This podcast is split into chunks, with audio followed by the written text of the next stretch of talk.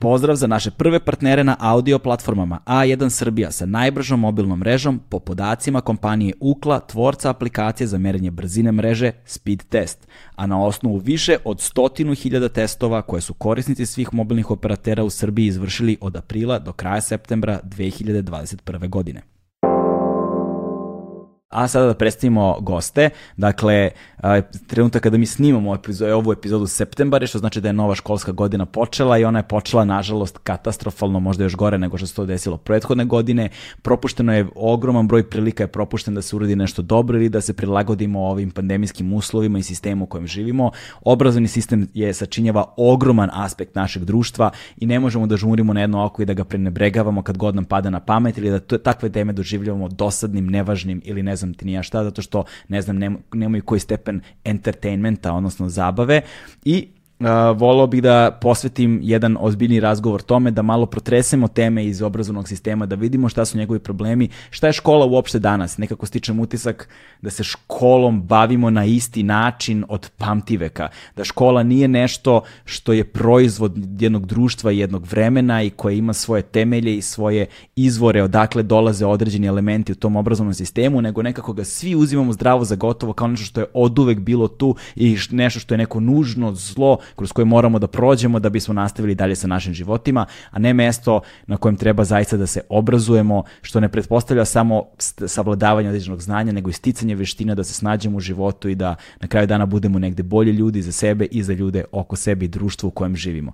Tako da, volio bih da se pozabavimo istorijom obrazovanja, da se pozabavimo obrazovnim sistemom danas, da se pozabavimo temama reforme obrazovanja, da se pozabavimo problemima sa kojima se danas suočamo u ovim groznim uslovima pandemije i da vidimo gde se to nalazi nalazimo i šta je to što mogu da budu potencijalne rešenja. Da bismo mogli da govorimo o tome, pozvao sam troje za koje smatram da su verovatno među najvećim stručnjacima da govore, u, u, u, među najvećim stručnjacima koji mogu da govore u ovoj oblasti.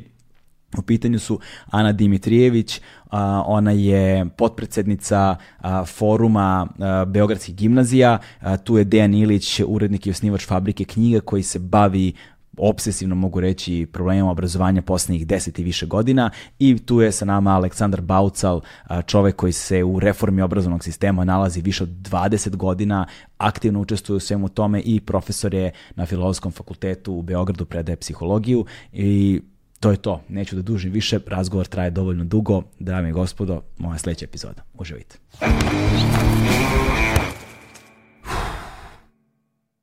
Hmm.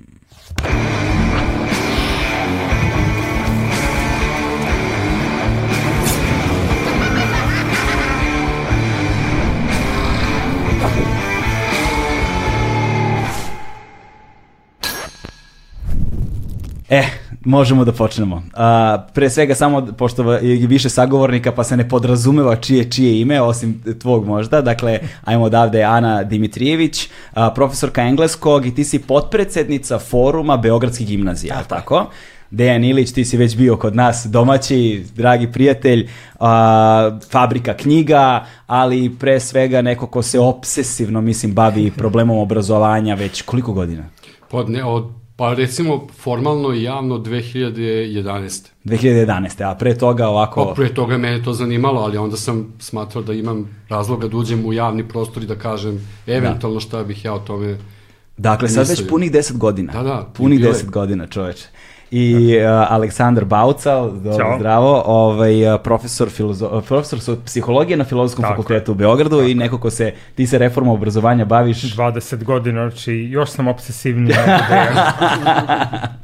e, ovaj, pre nego što počnemo ovu našu široku priču, da krenemo do, od aktuelnosti, septembar je, škola je počela i haos je u startu nastao. Dejane, molim te, daj, pa, rec... Evo, sasvim kratko. Da. Uh, i, I odmah da kažem da nije neočekivano da ćemo imati haos u septembru ovom, kao što smo ga imali i u septembru prošle godine, jer zapravo niko se nije pripremio i niko ništa nije uradio, kao da nije bilo ni važno šta će se dogoditi, jer zapravo nije ni važno šta se uopšte događa u školama. I, i ajde to da kažemo, naravno, znamo. Zaraza je, zaraza je takva da je jako teško organizovati bilo šta što podrazumeva veći broj osoba na jednom mestu i škole su prosto onda negde tako da kažemo prva mesta gde te probleme treba rešavati. Da ne pričamo sad koja su sve loše rešenja ponuđena, to Ana zna, to zna i Aleksandar i sve, pošto su oni svako na svoj način unutar institucija. Ja sam neko ko to posmatra sa strane i komentariše, ali ja kao neko ko posmatra to sa strane i komentariše, mogu da kažem da nam je ova, i mislim da će Aleksandar je jednom o tome već razgovarao, ja sam ga čuo da on to kaže, ova zaraza nas je zapravo navela, naterala, prisilila, kako god, da iz korena iznova promislimo šta je to obrazovanje i šta bi ono trebalo da bude. Ona je na taj način uzdrmala obrazovni sistem, kao što je na kraju krajeva uzdrmala i zdravstveni sistem, kao što je na kraju krajeva uzdrmala i mnoge druge ustanove, recimo ustanove socijalnih koje bi trebalo da realizuju neke socijalne politike. Dakle, ona je mnoge stvari razdrmala, prodrmala i sve i naterala nas da se pitamo a čemu to služi i zašto je to nama uopšte potrebno. E to isto uradili sa obrazovanjem. Kada posmatramo ljude unutar škola, to je sad neki moj utisak, to je da, da, da oni imaju odgovor na to pitanje čemu obrazovanje služi i zašto su oni tu. Mislim da deci imaju odgovor na to pitanje i ona ga daju zapravo na svoj način, onako kako oni umeju da odgovore na to pitanje, recimo time što se raduju, što su pomislili da će ponovo krenuti normalno u školu, Jedini koji ne daju odgovor, jedini koji ne umeju da odgovore, to, to su oni ljudi koji smišljavaju obrazovne politike. I ti kada zapravo razmišljaš o obrazovanju iz njihovog ugla kada gledaš šta oni govore i rade, ti shvatiš da njima obrazovanje zapravo nebitno.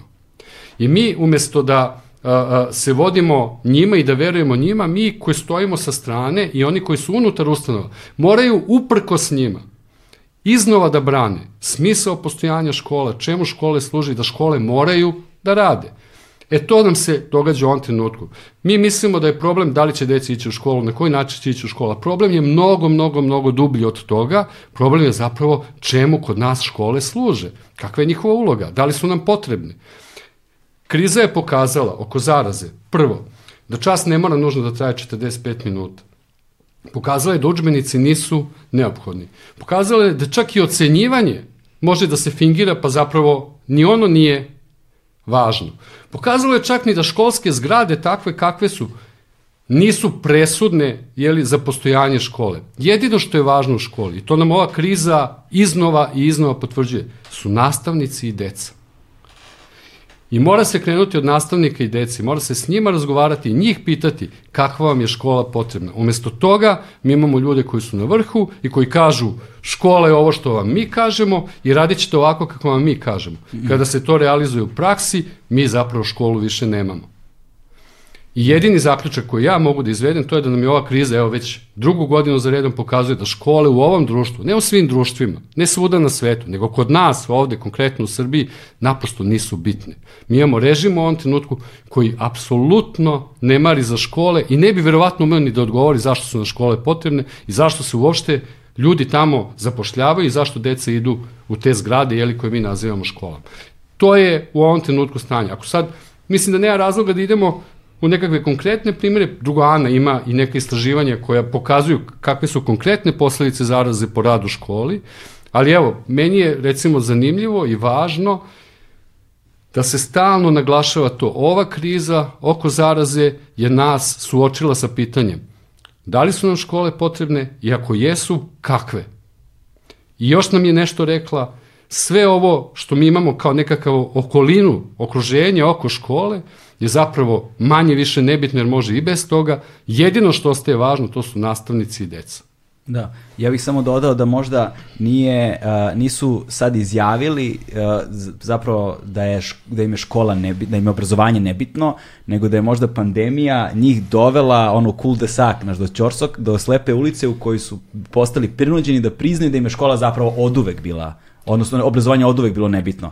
Jer ja bih rekao pre da je pandemija ogolila Tako je. sve probleme, tako pored je. toga što je izvršila pritisak tako na njih, je, jer negde je. svi mi dolazimo iz nekog obrazovnog sistema i ja znam kako je meni bilo, a ja sad imam još malo 40 godina, na, tako da zna, verovatno se sećate i vi kako je vama bilo i klinci danas znaju kako je njima, kako je njima sada. E sad, ono što si malo pre rekao i što kada, kada, si, kada si citirao uh, uh, Aleksandra, uh, to je da ovaj, je pandemija, dakle da je, da je zaraza fundamentalno uzdrmala temelje toga šta je kako mi razumemo i vidimo obrazovanje i kada smo se dogovarali za ovaj razgovor, negde sam, mi je bilo važno da počnemo od toga da se nijedan pojam ne podrazumeva, da se ništa ne podrazumeva i da puno toga što u životu prihvatamo zdravo za gotovo zapravo ne, nije ono, ne, ne nastaje ni iz čega, nego je od nekuda došlo. I zato bih volao da počnemo ovaj razgovor koji, je fokusi, koji će biti fokusiran zapravo na ove probleme pandemije i od ovog septembra i prošle godine i šta je to i kakve su to katastrofalne posledice ovoga koje će potencijalno da nas sačekaju našu decu a, je da počnemo toga od istorije obrazovanja. pa bih da, tebi... ukratko, da, nećemo ukratko. da to pretvorimo Slobodno. u istoriju u realnom vremenu, ovaj, ali evo to možemo moguće, da, naravno. da, ali evo da krenemo od toga, ovo što, kao što si ti rekao, uh, mi vidimo školu u koju, znači zgrada u koju svakog dana dolaze nastavnici, učenici, tu su učbenici, tu je neki sadržaj, nešto se predaje, nešto se uči. Dakle, i mi to, kao što se rekao, imamo utisak kao da je od uvek bilo tako. Međutim, tokom istorije zaista prošlo puno vremena i puno borbe je a, vođeno da bi u stvari mi imali svu decu u školi, da bi se sva deca obrazovala. Verovatno se niko neće iznenaditi da je obrazovanje u suštini luksus. Dakle, i za najveći deo istorije, za najveći broj dece je to bilo u stvari nešto što nije bilo deo njihovog iskustva. Deca su od prvobitnih jeli, skupljačkih zajednica učila, ali učenje nije isto kao ovo što mi imamo danas u obrazovanju. Oni su učili tako što učestvuju u svakodnevnim aktivnostima sa svojim roditeljima, rođacima, grupom. I tu nije bila jasna granica između igre, učenja, obrazovanja, znači dete nije imalo utisak da ide u školu, dakle, ali jeste se pripremalo da bude član zajednice ta činjenica da se dete priprema koje je tek rođeno i koje je biološko univerzalno biće, ali ono se mora pripremiti da postane član neke zajednice. Znači svaki, to je univerzalna stvar, znači od pamtiveka do dana svaka zajednica ima interes da ta deca nove generacije postanu deo zajednice odraslih ljudi kakvi smo mi danas i to je bilo nešto što je od uvek uh, bilo tu, ali se realizovalo na različite načine.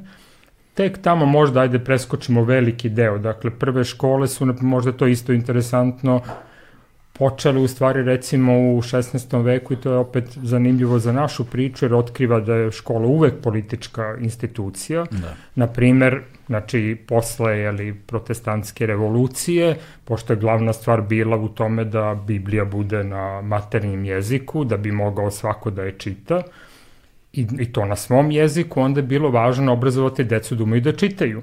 Jer inače ti propade ceo politički projekat da se ti odvojiš i da napraviš nešto drugačije. Dakle, ideja je bila da da školom decu da umeju da čitaju, da bi mogli da čitaju Bibliju na maternjem jeziku i to je bila funkcija škole. Znači, opet ta zajednica je tada se borila, imala neke svoje bitke sa nekim tamo drugim, koji imao neke druge ideje, pa si ti hteo da nekako pojačaš to što, si, što je tvoje specifično i zato si školovao decu da uče, da čitaju. Znači, bilo je samo čitanje, jer iz perspektive te potrebe tebi ne treba da je bilo šta drugo da radi, osim da nauči da čita na maternjem jeziku da bi čitalo Bibliju. E sad, ovo moderno obrazovanje gde su sva deca, sad vrtimo filmu napred, znači prve ideje toga da mi svu decu školujemo, što je vrlo revolucionarna ideja ako nama danas deluje svakodnevna. To se pojavljuje tek tamo u 18. Znači, veku. Sad bih volio da pomenem jedno vrlo veliko ime, znači švajcarski pedagog Pestalozzi, naravno bilo je tih ideja i ranije, ali on je zaista jedan od tih prvih koji je zagovarao da sva deca treba da se školuju što je tada delovalo kao nešto, kao pesti normalan, kao što bi se sva deca školovala, to je nepotrebno i tako dalje.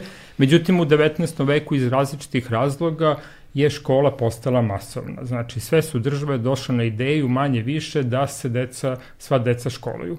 Ali ta ideja nije bila, mislim, ona se javljala kao deo prosvetiteljstva i uvek tu ima ona lepa slika da mi hoćemo da nas sva deca budu obrazovana ali ona ima i te svoje pragmatične strane i pre svega su jeli, ljudi koji upravljaju društvom i crkva želeli da imaju i socijalnu kontrolu.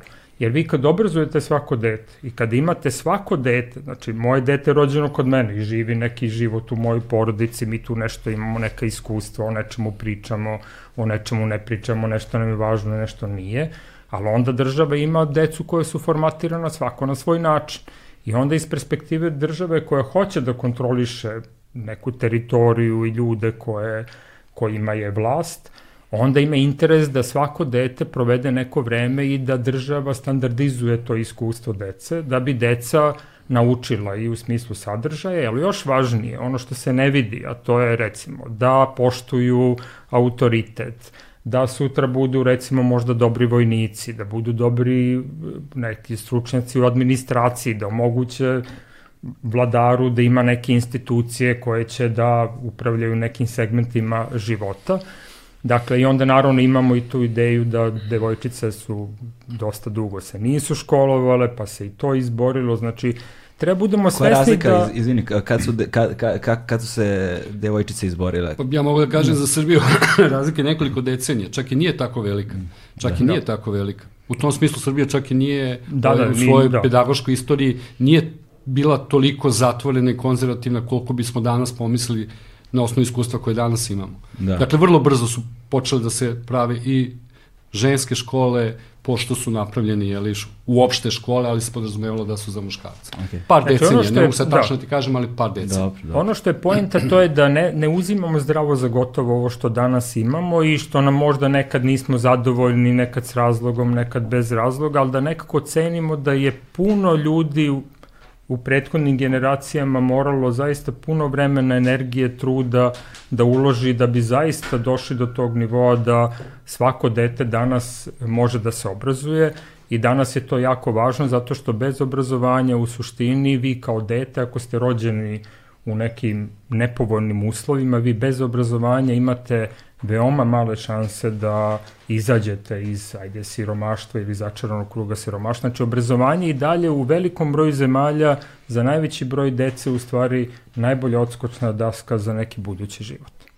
Da. E sad, ako ja mogu, ovaj, a, a, dakle, moja sklonost da stvari pojednostavim, tako da se izvinjam.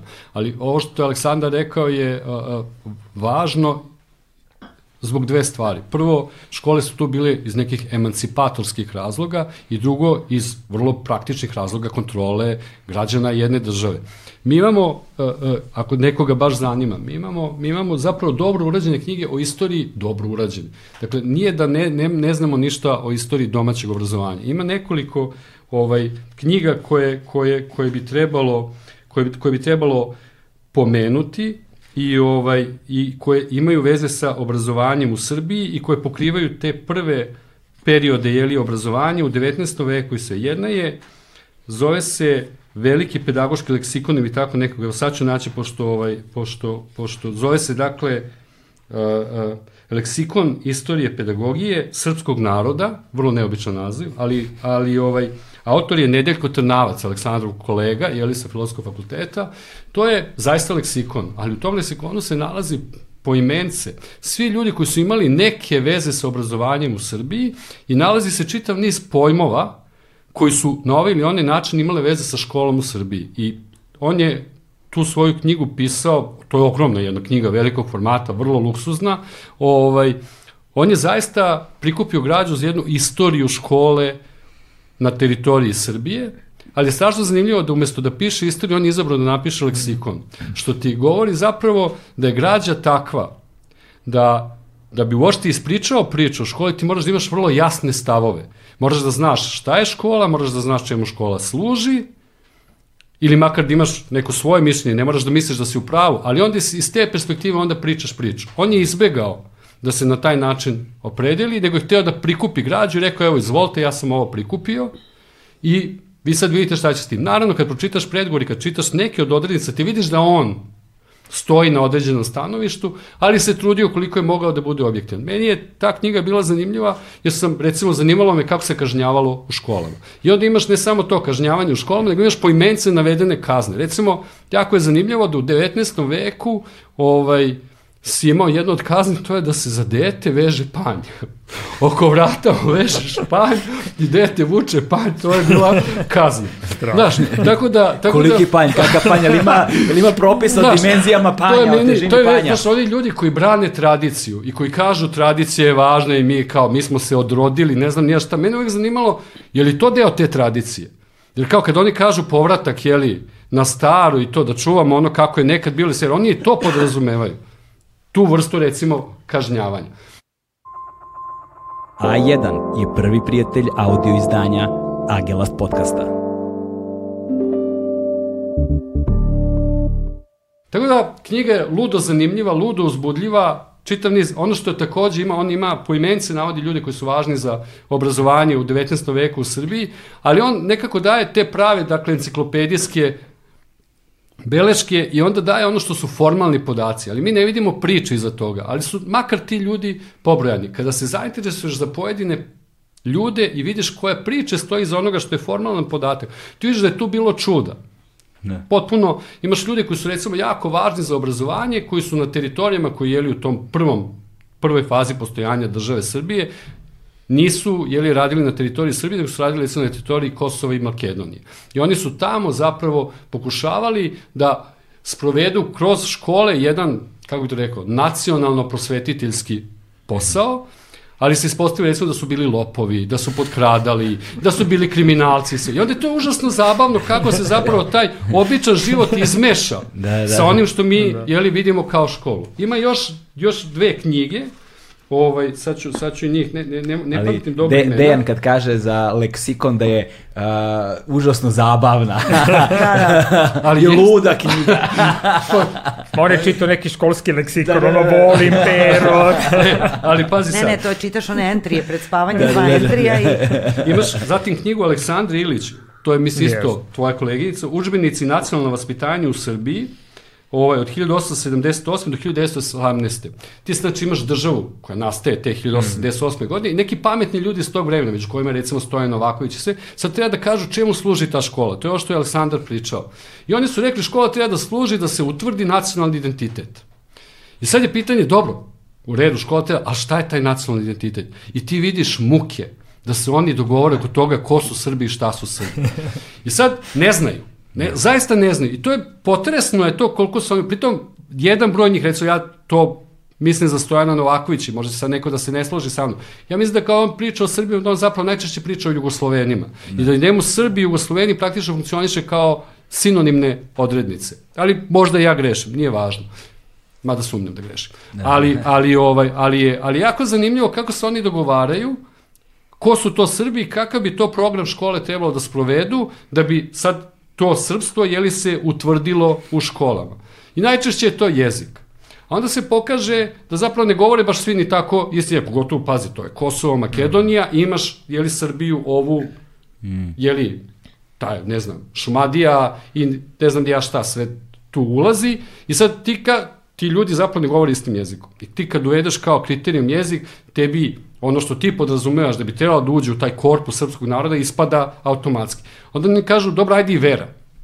Onda, znaš, nije ni vera. Onda kaže, ajde krsna slava. Pa kao, dobro, krsna slava. I sad, znaš, onda dođeš i to imaš u tim dokumentima, Aleksandra Ilić je to jako lepo nabrojala, ovaj, imaš to da, recimo, se kaže, pa znaš, i Albanci su stvari Srbi. To, pravoslavni Albanci su Srbi, samo što su zaboravili srpski jezik. Pa onda škola treba da uči da ih nauči tom to sve, srpskom to sve jeziku. Stoji. To sve stoji, da, to sve da. dokument, to, je sve napisano. Da. I ti sad vidiš, tu, znači, mi dobijamo državu, ali državu koja nema još uvek narod ili ga nema jasno definisanje. I onda škola služi da definiše narod i da poravna. Znači tamo gde je jezik u redu, onda ona radi neke druge stvari da bi se pričao o istoriji i svemu ostalo. I to je recimo užasno zanimljivo kako te prve škole sa nastankom ove države nisu za posao imale da, da, da emancipuju, nego su za posao imale da utvrde naciju, jer imaš državu i sad trebaš da utvrdiš naciju.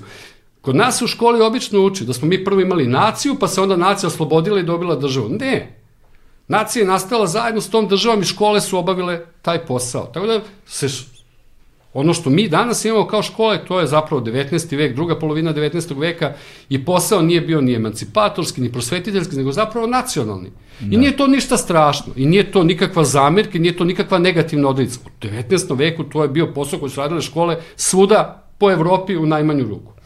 E sad, taj nacionalni posao se jako dobro vidi u knjizi Aleksandre Novakov koja se zove Stubovi srpske prosvete, srpske srednje škole u Otomanskom carstvu. Ti sad imaš teritoriju Srbije, ali ta Srbija ima neke svoje ogranke, ona sad hoće da se širi, jer ima, ona, to je taj sad oslobodilački jedan narativ, mi imamo neke delove svog naroda negde izvad. I šta rade? Podižu škole.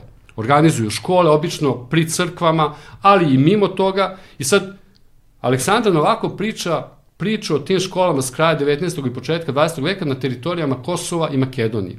To su užasno uzbudljive priče, jer pored srpske države koja želi da utvrdi taj srpski identitet i da na taj način proširi svoju teritoriju, ti imaš Bugare, Makedonce i Albance. Mm. Na toj teritoriji, jako je zanimljivo, svi bi mogli da budu sve. Dakle, svi bi mogli da budu sve. Imaš jednog junaka u toj knjizi. Naravno, Aleksandar Novako piše knjigu sa stanovišta srpskog nacionalnog identiteta.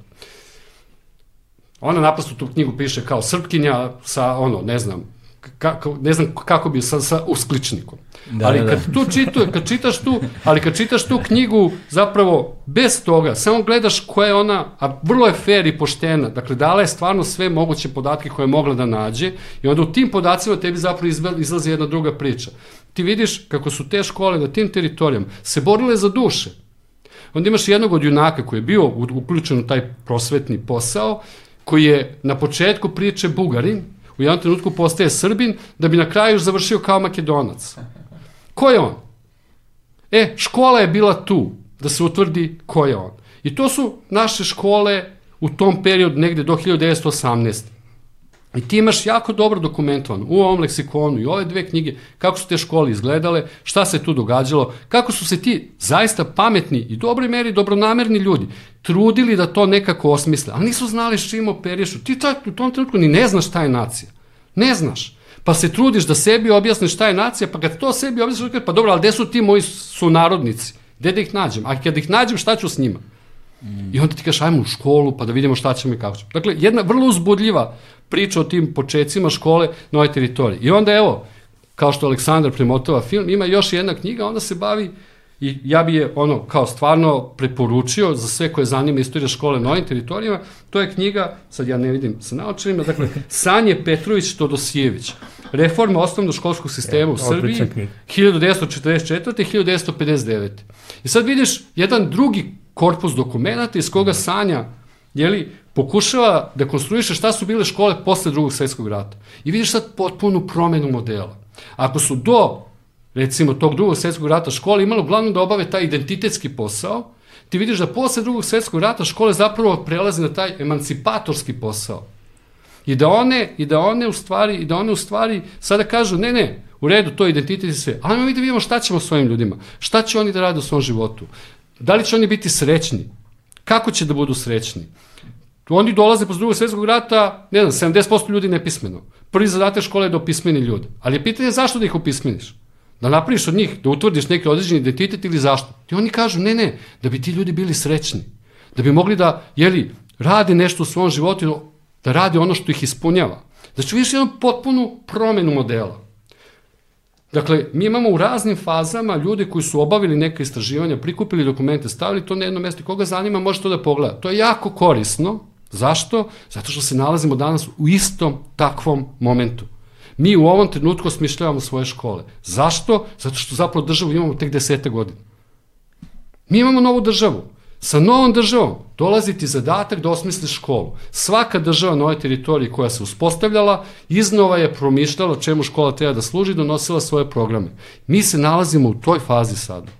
Samo što je da, zaraza... Ali ćemo se i nalaziti, dakle, to je nepromenljiva stvar, ne samo da se menja država sad kao mi kažemo, evo, nastala država, nego se menjaju i okolnosti životne oko nas. I onda se uvek svaka zajednica odraslih ljudi sebi postavlja ova dva pitanja. Kako da iskoristim obrazovanje da emancipujem, da pripremim tu decu za neku njihovu budućnost, koja nije moja, jer ja sam sad već odrasli i neću deliti s njima, nažalost, u njihovu budućnost, ali istovremeno i ovaj deo, sad to može biti identitetski ili šta znači biti pripadnik ove zajednice i kako mi da Znači, uvek imamo malo ovaj deo da mi iskoristimo tu decu da ih učinimo sličnim nama, To je sad može biti, ako je to nacionalni identitet ili ideološki kao u komunizmu, je isto bilo malo, jeste da se opismena budu srećni, ali da budu i dobri komunistički građani, da, da, a i u vreme, vreme te srpske države nastanka bilo je da budu Srbi, ali naravno su učili i čitanje, pisanje, što je bio emancipatorski deo Tako i uvek imate te dve uloge Tako i sad je, je pitanje od trenutka i od zajednice da li će da ode u jednu stranu mm. ili će da ode u neku drugu stranu. Ana, reci. Ja sam sad htjela samo da se nadovežem, uh, sa, uh, kako da kažem, iz perspektive Dejanove Aleksandrove sa jednog akademskog, objektivnog, posmatračkog stanovišta postoje te neke razlike iz učionice gde ja stojim, škola jako liči na nešto gde sam ja išla. Mm -hmm. Mnogo godina. Znači, mnoge stvari se, bez obzira na tu ulogu u društvu, na to šta država zapravo želi da škola bude, sama škola, učionica i ono kako mi radimo se nije mnogo promenilo.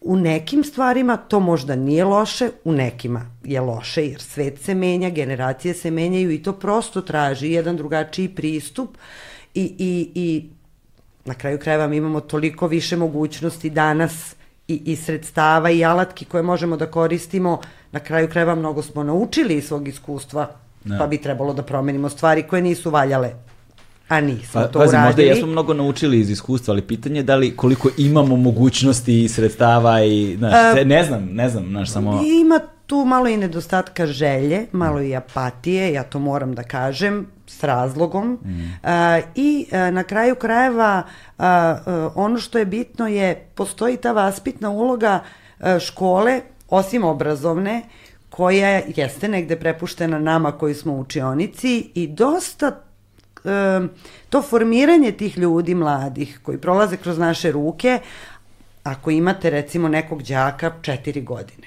čitave ne. četiri godine i vi utičete na njega na određeni način, a, tu nužno ne mora vaš vaspitni moment da se poklopi s onim što bi država htela da no. đak bude. I da, ja da. tu svoju, recimo, vaspitnu ulogu, ja sad govorim u svoje ime, a mogu da kažem i u ime mnogih mojih kolega i jako ozbiljno shvatam. I mislim da je možda negde i važnija nego obrazovna, s obzirom na to da predajem engleski, današnje generacije dolaze sa neverovatno visokim znanjem engleskog jezika i ja njihov engleski više poliram Korigujem. nego što ih njih učim nečem novom, da. podižem ga na jedan viši, na jedan akademski nivo, malo ga ubacujem u neki sistem, da ne bude samo govorni jezik sa ogromnim fondom reči, ali s druge strane teme o kojima mi razgovaramo i to kako ja utičem na njih, ja to biram i ja to otvoreno kažem i mislim da je to moja uloga, jeste zapravo taj vaspitni deo mog posla, gde možda se nekome ko kreira ovaj mm. obrazovni sistem u ovoj državi ne bi dopalo kako ja to radim.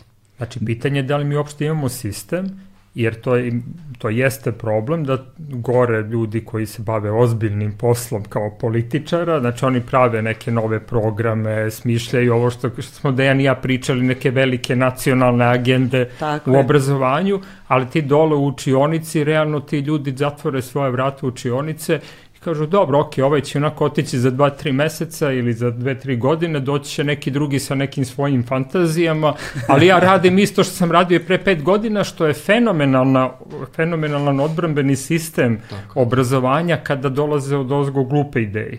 Tako. Da, da, ali ako da, da. mi kao društvo bismo rec, se recimo dogovorimo da je da bismo mi hteli nekakvu školu onda bi to bio takođe i jedan sistem otpora, jer bi bilo pitanje svaka neka novina, bi u stvari tražila od nastavnika i učenika iz škola da menjaju rutine, a ljudi ne vole da menjaju rutinu. I tada bi se postavilo pitanje kako mi da ispregovaramo Tako. sa nastavnicima, ne da ih nateramo, nego da sa njima razgovaramo i da kažemo, slušajte, ovo bilo dobro i za decu, a i za nas kao zajednicu, mm. ako bismo radili ovako ajde da vidimo kako možemo da pomognemo, znamo da vam nije lako, normalno ja isto više volim da radim, da živim današnji dan kao jučerašnji, nego da ga radikalno menjam, psihološki je to opravdano, ali ajde, kad ljudi vide smisa u nekoj promeni, onda im nije teško, čak im bude i zanimljivo, ali pre toga potrebno da ih neko poštuje, da dođe mm. i da ih pita, jel vam ovo ima smisla? Ima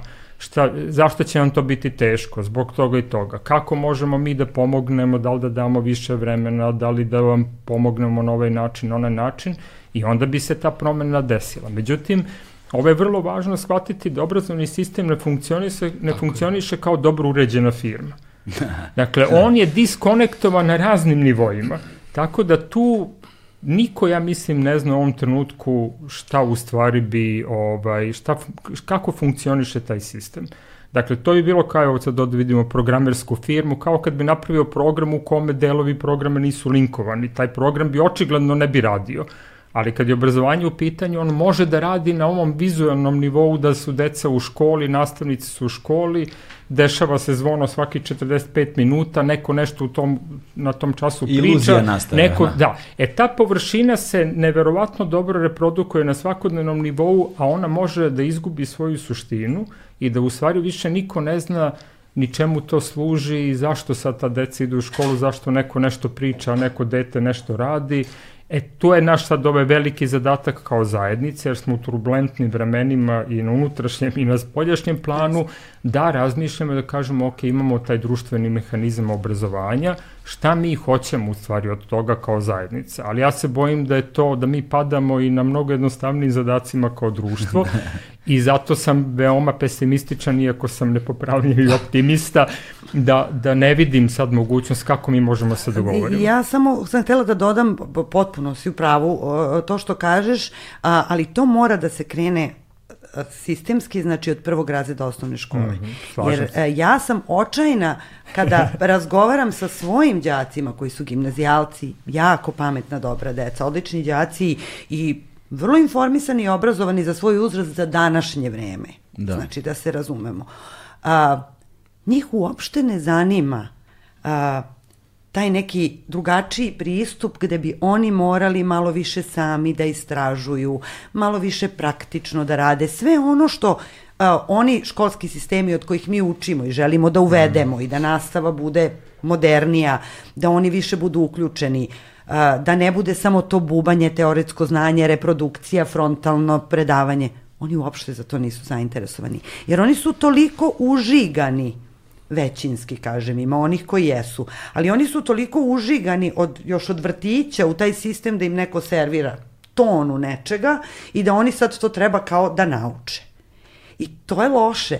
I oni su prepametni, oni svašta znaju kad izađu iz škole, ako su bili dobri đaci. I naravno ima sjajnih profesora koji to stave u praksu mm. i deca nauče, mm. ali to mora da se uči od malih nogu da bi se tako razmišljalo i da bi se te promene prihvatale. A to se odnosi i na kolege, na profesore mm. kojima je jako teško da svoj način rada, neki sada koji su pred penzijom i 35 godina stoje ispred table i pričaju svoju priču, sad oni odjednom treba da podele neke istraživačke zadatke, da deca sve sama tu nešto otkriju, a da oni samo moderiraju kao što ga Galeb danas ovde da, da, da. nas moderira, to to zahteva vreme mm -hmm. i uređen sistem koga ima, nema. Ima više, više stvari ovde, čini mi se. Ja, ja sam uh, zapisao četiri, jedno, ali polako.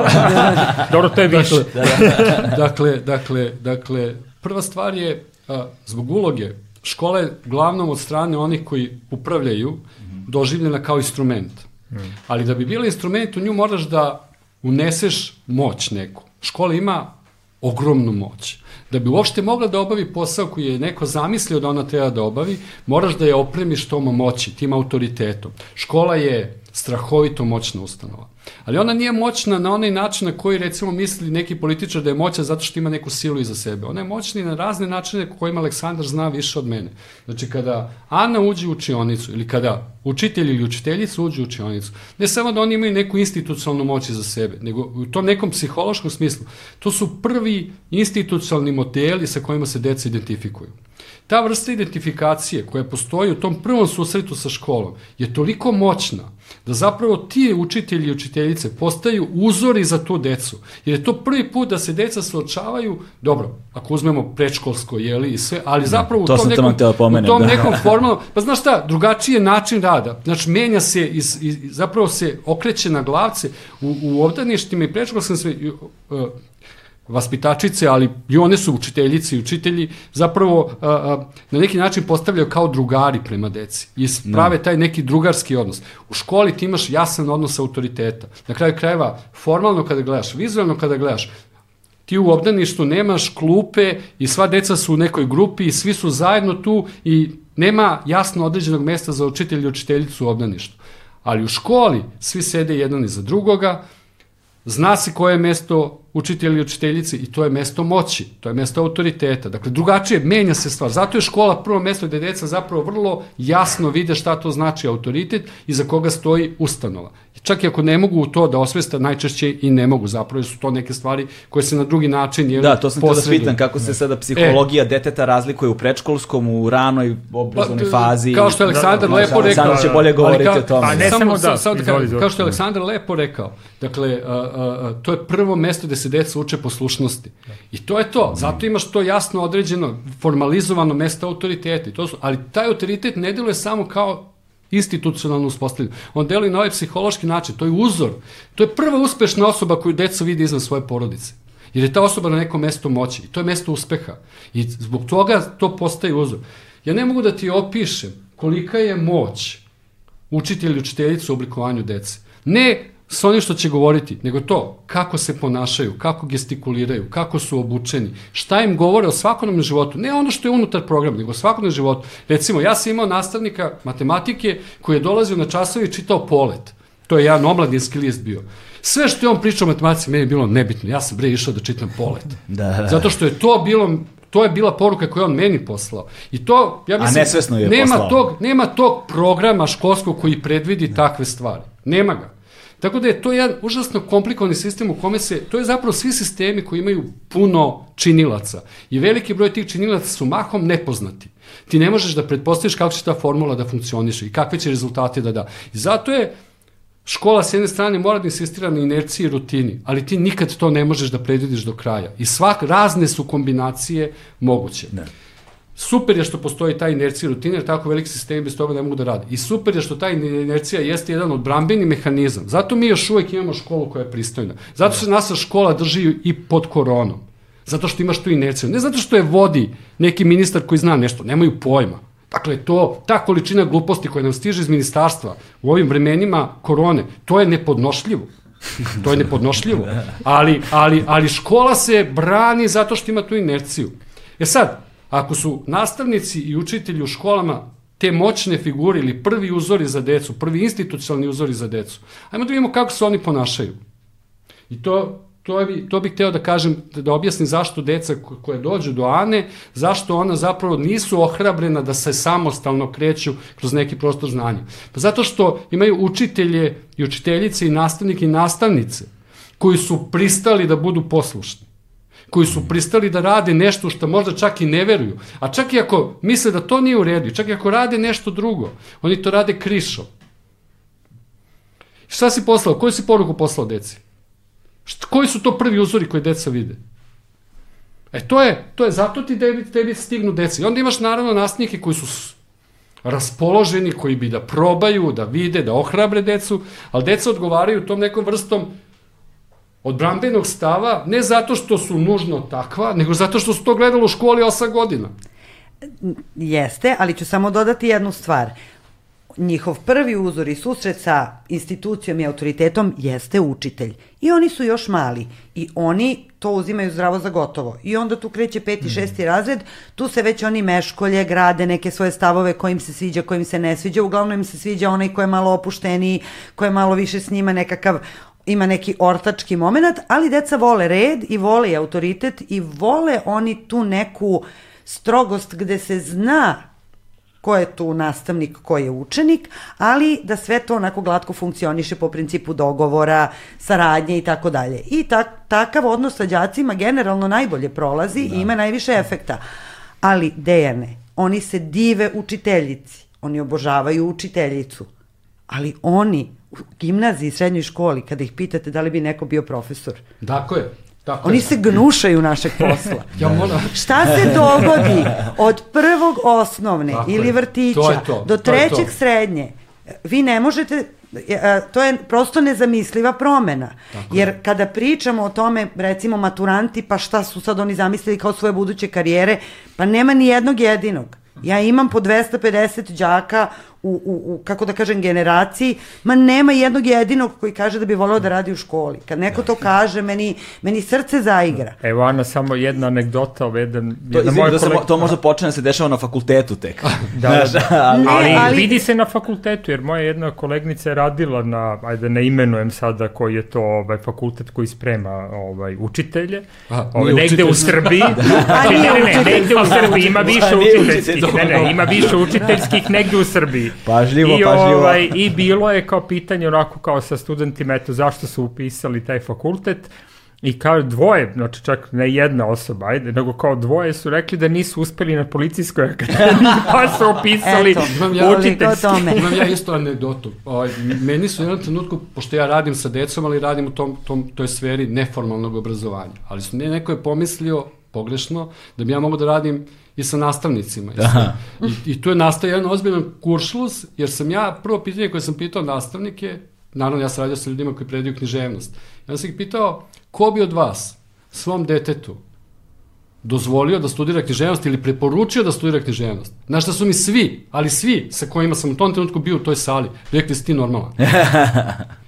Da, I onda ja, ja nemam problem s tim, ja to razumem. Ali sam njih pitao, kako možete da uđete u odeljenje i da predajete nešto u šta ni sami ne verujete i svoju decu gledate na svaki mogući način da okrenete od toga. A onda ulazite u odeljenje sa tim stavom i mislite šta? Da će deca da vas poštuju, da će da, da vas slušaju, da će da vole to što rade, a vi ne volite, jer ste to pokazali. To ti je kao ono pitanje, znaš, kao, da li ti smetaju neki ljudi koji su drugačiji, pa sad ne znam, drugačiji po veri, drugačiji po etničkoj pripadnosti, drugačiji po boji kože i sve. I svi kažu, ma jok, ne smeta mi. A onda ide sledeće pitanje, a da li biste da vaš sin ili čerka se venčaju sa osobom, jeli, iz te zajednice? I ne, ne daj Bože. Mm -hmm. E to ti je ista stvar. Ja volim svoj posao, super mi je, književnost je odlična, ali ćeš da ti dete studira to, jesi ti normalan. Da, da. E, uh, A to je nešto sa upravo- čime ja imam puno iskustva jer ja dolazim iz mešovitog braka i verski i etnički i konfesionalno. Onda ti je jasno o čemu se radi, Da, da, da. zapravo jeste, to je potpuno tačno i uh, ja sam i pripremajući se za ovaj razgovor juče pomenula situaciju u koju ja dolazim. Kada me ljudi pitaju koji me ne poznaju čime se bavim i ja kažem da sam profesor u gimnaziji, ja to kažem puna ponosa. Pritom ja stvarno radim u jednoj jako dobroj gimnaziji sa sjajnim đacima i divnim kolegama. Uh, ovaj, svi me pogledaju nekako tugaljivo kao Bože, sačuvaj, sad ne bih da navedem ni jedno zanimanje i da pocenim ni jedno zanimanje, ali e, njihova reakcija je jadna ti kako možeš. Da. I e, uvek imam potrebu da se branim i da objasnim ljudima da ja ne vidim u čemu je problem, da sam da ja uživam u svom poslu, da ga beskreno volim, da ne postoji posao koji ti više vraća e, od posla kojim se ja bavim. E, tu dolazimo do onoga koliko je taj posao cenjen u društvu, a bio nekada i to, To je je jedna velika razlika. Tako je. I ono što ti kažeš, niko ne bi svom detetu rekao da studira književnost. E, ja mojim đacima, ja moje đake svake godine podsjetim da nema lepšeg posla od onoga koji voliš, da ja svoj posao beskreno volim, da dolazim srećna na posao, se vraćam kući srećna i da bez obzira na sve pare ovog sveta ja ne bih radila. Ja ću pre da radim dva posla u ovoj državi gde me ovaj jedan ne plaća dovoljno da živim pristojno, a da radim ono što volim. I to je njima poruka moja. Da. I zato ja mislim da sam ja dobra u svom poslu. Sad možda neskromno kažu, zvuči, ne. ali ovo je strašno. Jer ako ti ne veruješ u to Tako što je, predaješ, da. zašto misliš da bi ti bilo koji Tako đak je. poverovao? To je sad tačno. začarani krug u kome se Jeste. nalazimo. Dakle, nastavnici kažu, e, mi smo ograničeni u pogledu onoga kako možemo da radimo. Mogli bismo mi, umemo mi bolje da uradimo i tako dalje, ali mi imamo taj problem da naša profesija nije na ceni u društvu, da učenici, pogotovo ovi stari, znači ovi mali, oni su mali oni zaista prihvataju taj autoritet bez ikakvih problema. Ali, dakle, oni već u srednjoj školi kažu, ali sačekaj, ti si nastavnik, Pa to baš i nije neka profesija u ovom društvu, znači ti za mene, pogotovo još adolescent, on već u sve autoritete dovode u pitanje, a pogotovo autoritet koji baš nije podržan od strane društva. Jer mlada osoba kaže, pa dobro, je li ta profesija važna u društvu? Nije. Pa kao, sačka, zašto bi onda ja prihvatio tvoj autoritet i zašto bi meni škola bila važna? I onda recimo kad pričate sa decom, mi smo na primjer u ovom regionu rađeno pre par godina studije, meni to zaista poražavajuće, kad su pitali i roditelji i decu, šta su faktori od kojih zavisi uspeh u životu? kod nas i u Albaniji je najmanji procenat onih koji su rekli ako završim školu, znači ako, da mi je obrazovanje faktor, nego uglavnom su neki drugi faktori, što je još jedan pokazatelj da obrazovanje iz njihove perspektive nema taj autoritet. Čekaj, u BiH, Hrvatskoj, Crne Čak manje nego tamo, čak je manje, manje nego tamo. Da, e, ali ajde da pogledamo, samo znam da, sad da, da, da treba pređemo nešto drugo, ali mislim ovu temu se uklapa jedna pozitivna priča. Sad da, da vidimo u kontekstu onoga što smo pričali. E, nismo ovde pričamo pozitivne priče. Kako izgleda, ali ne kod nas, nažalost nije naša priča. Ovaj. Finska je, naravno, uvek je Finska, ovaj, ali sad malo da raspakujemo ceo film. Dakle, Finci su tamo, znači do 80-ih oni su super funkcionisali, njihova ekonomija jer je tu bila na granice sa Sovjetskim savezom i tu je bilo onako zgodna teritorija Znači oni su imali ekonomske koristi od toga što su na toj poziciji zbog raznoraznih jeli, tih ove razloga. Skoro pa kod nesvrsta. Tako je, da. da. Ali je to, znači taj model života, ekonomije, društva je nestao kako se, jeli, raspao hladni rat i nestao hladni rat. I onda su oni još pre toga razmišljali, ok, šta je nama u stvari buduće društvo? I na kraju su rekli, ok, živimo tu gde živimo, nemamo naftu, nemamo zlato, Nema, znači, nikakav lak način da dođeš do nekog bogatstva. Kao. Malo nas je relativno, e, imamo vrlo specifičan jezik i tako dalje. I onda su na kraju oni zaključili, nama je obrazovanje društveno najbolja šansa. I onda su nekoliko decenija sistematično rade na tome da obrazovanje, znači imali su ideju šta hoće od obrazovanja, hoćemo ljude koji su visoko obrazovani, koji su kreativni, koji umeju sutra da uh, i smisle nešto i naprave neki posao i uče celog života i tako dalje. I oni su tako postepeno radili, ali ono što je važno, društvo je prepoznalo da je obrazovanje glavna razvojna šansa tog društva mm. I danas ovo što, što smo pričali o nastavnicima, znači najteže upisati, jedan od fakulteta koje je najteže upisati u Finskoj je nastavnički fakultet. Druga stvar, kad ga završe, nastavnici koji rade u školama, iako nisu po plati, oni ne spadaju najbolje plaćene, ali najmanji procenat nastavnika u Finskoj, veoma mali procenat hoće da promeni posao. Dakle, kad i pitate da li biste radili nešto drugo, ne. E sad vidimo kako izgleda ta magija kada društvo mm zaista ceni obrazovanje, a ceni ga ne zato onako vazdušasto, eto, zato što je obrazovanje nešto važno, nego zato što zaista to obrazovanje ima neku važnu društvenu funkciju, onda svi oko škole počinju da cene školu i nastavnika, onda se nastavnik osjeća uh, podržanim, osjeća se da on radi neku važnu ulogu. On kad uđe u odeljenje ne mora kao Ana da boostuje sebe, kaže, ma ja mislim da je ovo važno. Da. Nego taj nastavnik dolazi na krilima celog društva i kaže, e, ne samo što ja na mislim da je važno, nego me svi ovde ono iza mene tapšu, navijaju ko za Novaka Đokovića, da. ja kad uđem u odeljenje, to su svi su iza mene, učenici to vide, pa onda i učenici mi osjećaj, pa ovo je nešto važno, ne. vidiš kako svi oko, oko ovog nastavnika, oko škole misle da je to važno, onda i oni dođu s drugim raspoloženjem odeljenje. Kod nas je otprilike sad da iskoristim metaforu iz književnosti kao da je ušao dementor u obrazovni sistem i isisao svu pozitivnu energiju i ovi neki ljudi, koji su preživeli na osnovu svojih ličnih snaga uprkos tom ima sistemu nas. i ima da. i škole, ima fen, ja bih volio u nekom trenutku pričam, ja sam radio to istraživanje da nađemo škole, srećne škole u Srbiji, dobre škole i mogu da vam kažem šta, je, šta su njihove karakteristike, ali svi ti srećni ljudi u tom sistemu su srećni uprkos okolnostima, što je zaista besmisleno, onda i, i, i, i učenik kada vidi tog nastavnika koji na mišiće održava svoj posao, svoju sreću, radi to sa zadovoljstvom, sa zanimanjem, taj učenik vidi da je to izuzetak. I on neće stvoriti da. sliku da. obrazovanju na osnovu tih izuzetaka, on će stvoriti na osnovu onoga što je dominantna slika. Dakle, da, to onda, izvini, tu, on, tada uh, klinici poistovećuju to sa osobama, ne sa sistemom. Tako je. Sad, sad, sad sam ja, teo samo, iz, izvini samo, samo o, reci. jako je važno, ovo što Aleksandar priča o Finskoj, Nama to iskustvo nije nepoznato. Ti si učitelj i učiteljice u Srbiji, koji su radili u školama u Srbiji, pre drugog svetskog rata, pre prvog svetskog mm -hmm. rata, to sve bili javni intelektualci. Mnogo pisaca koje mi danas imamo u školskoj lektiri i čitamo kao i sve i poštujemo i kao klasiki se, mislim, da. poštujemo. Ovaj, svi su radili u školama, ili većina njih je radila u školama. Većina žena koje su književnice, dakle, koje polako ulaze u taj kanon, jeli, domaće književnosti, takođe su došle iz škola, kao učiteljice, nastavnice i sve. Dakle, mi imamo, mi imamo u svojoj, ne moramo da idemo u Finsku, mi imamo da. u svom iskustvu to da je nastavnik centar zajednice. I to ne tako davno. Da, to, to ne, ne tako davno. davno. E, to je obrisano. Da.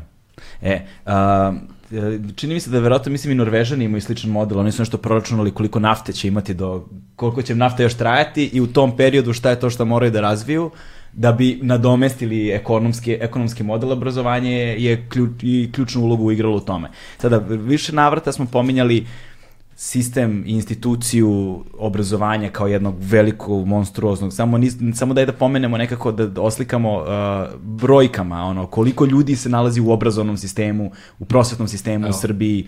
Da, da dajte neke ovako, podatke samo. Evo imaš ovako, ovaj, imaš uh, uh, oko 100-110 hiljada zaposlenih u obrazovnom sistemu u Srbiji. Mm -hmm. uh, generacijama po deci, znači po godini se u Srbiji rodi između 60 i 70 hiljada dece. To znači ako imaš 8 godina osnovne škole i 4 godine, to je 12, pomnožiš to sa 60 ili 80, znači imaš milion A, sad, znači imaš negde oko 800-900 hiljada deca u školi. Sa ovih 120-110 hiljada zaposlenih ti već stižeš do negde milion. U svako dete i u svakog zaposlenog dodaj članove porodice, znači bliske osobe. Da ne kažemo da ih ima dvoje, troje ili četvoro. Ajde da kažemo da ih ima po jedna ili dve. Već stižemo do 2 miliona. Dakle, školski sistem u ovom trenutku u Srbiji direktno vezuje za sebe negde oko milion, između negde oko 2 miliona 2 miliona ljudi. A od školskog sistema u Srbiji direktno, dakle, živi negde oko 300-400 hiljada ljudi.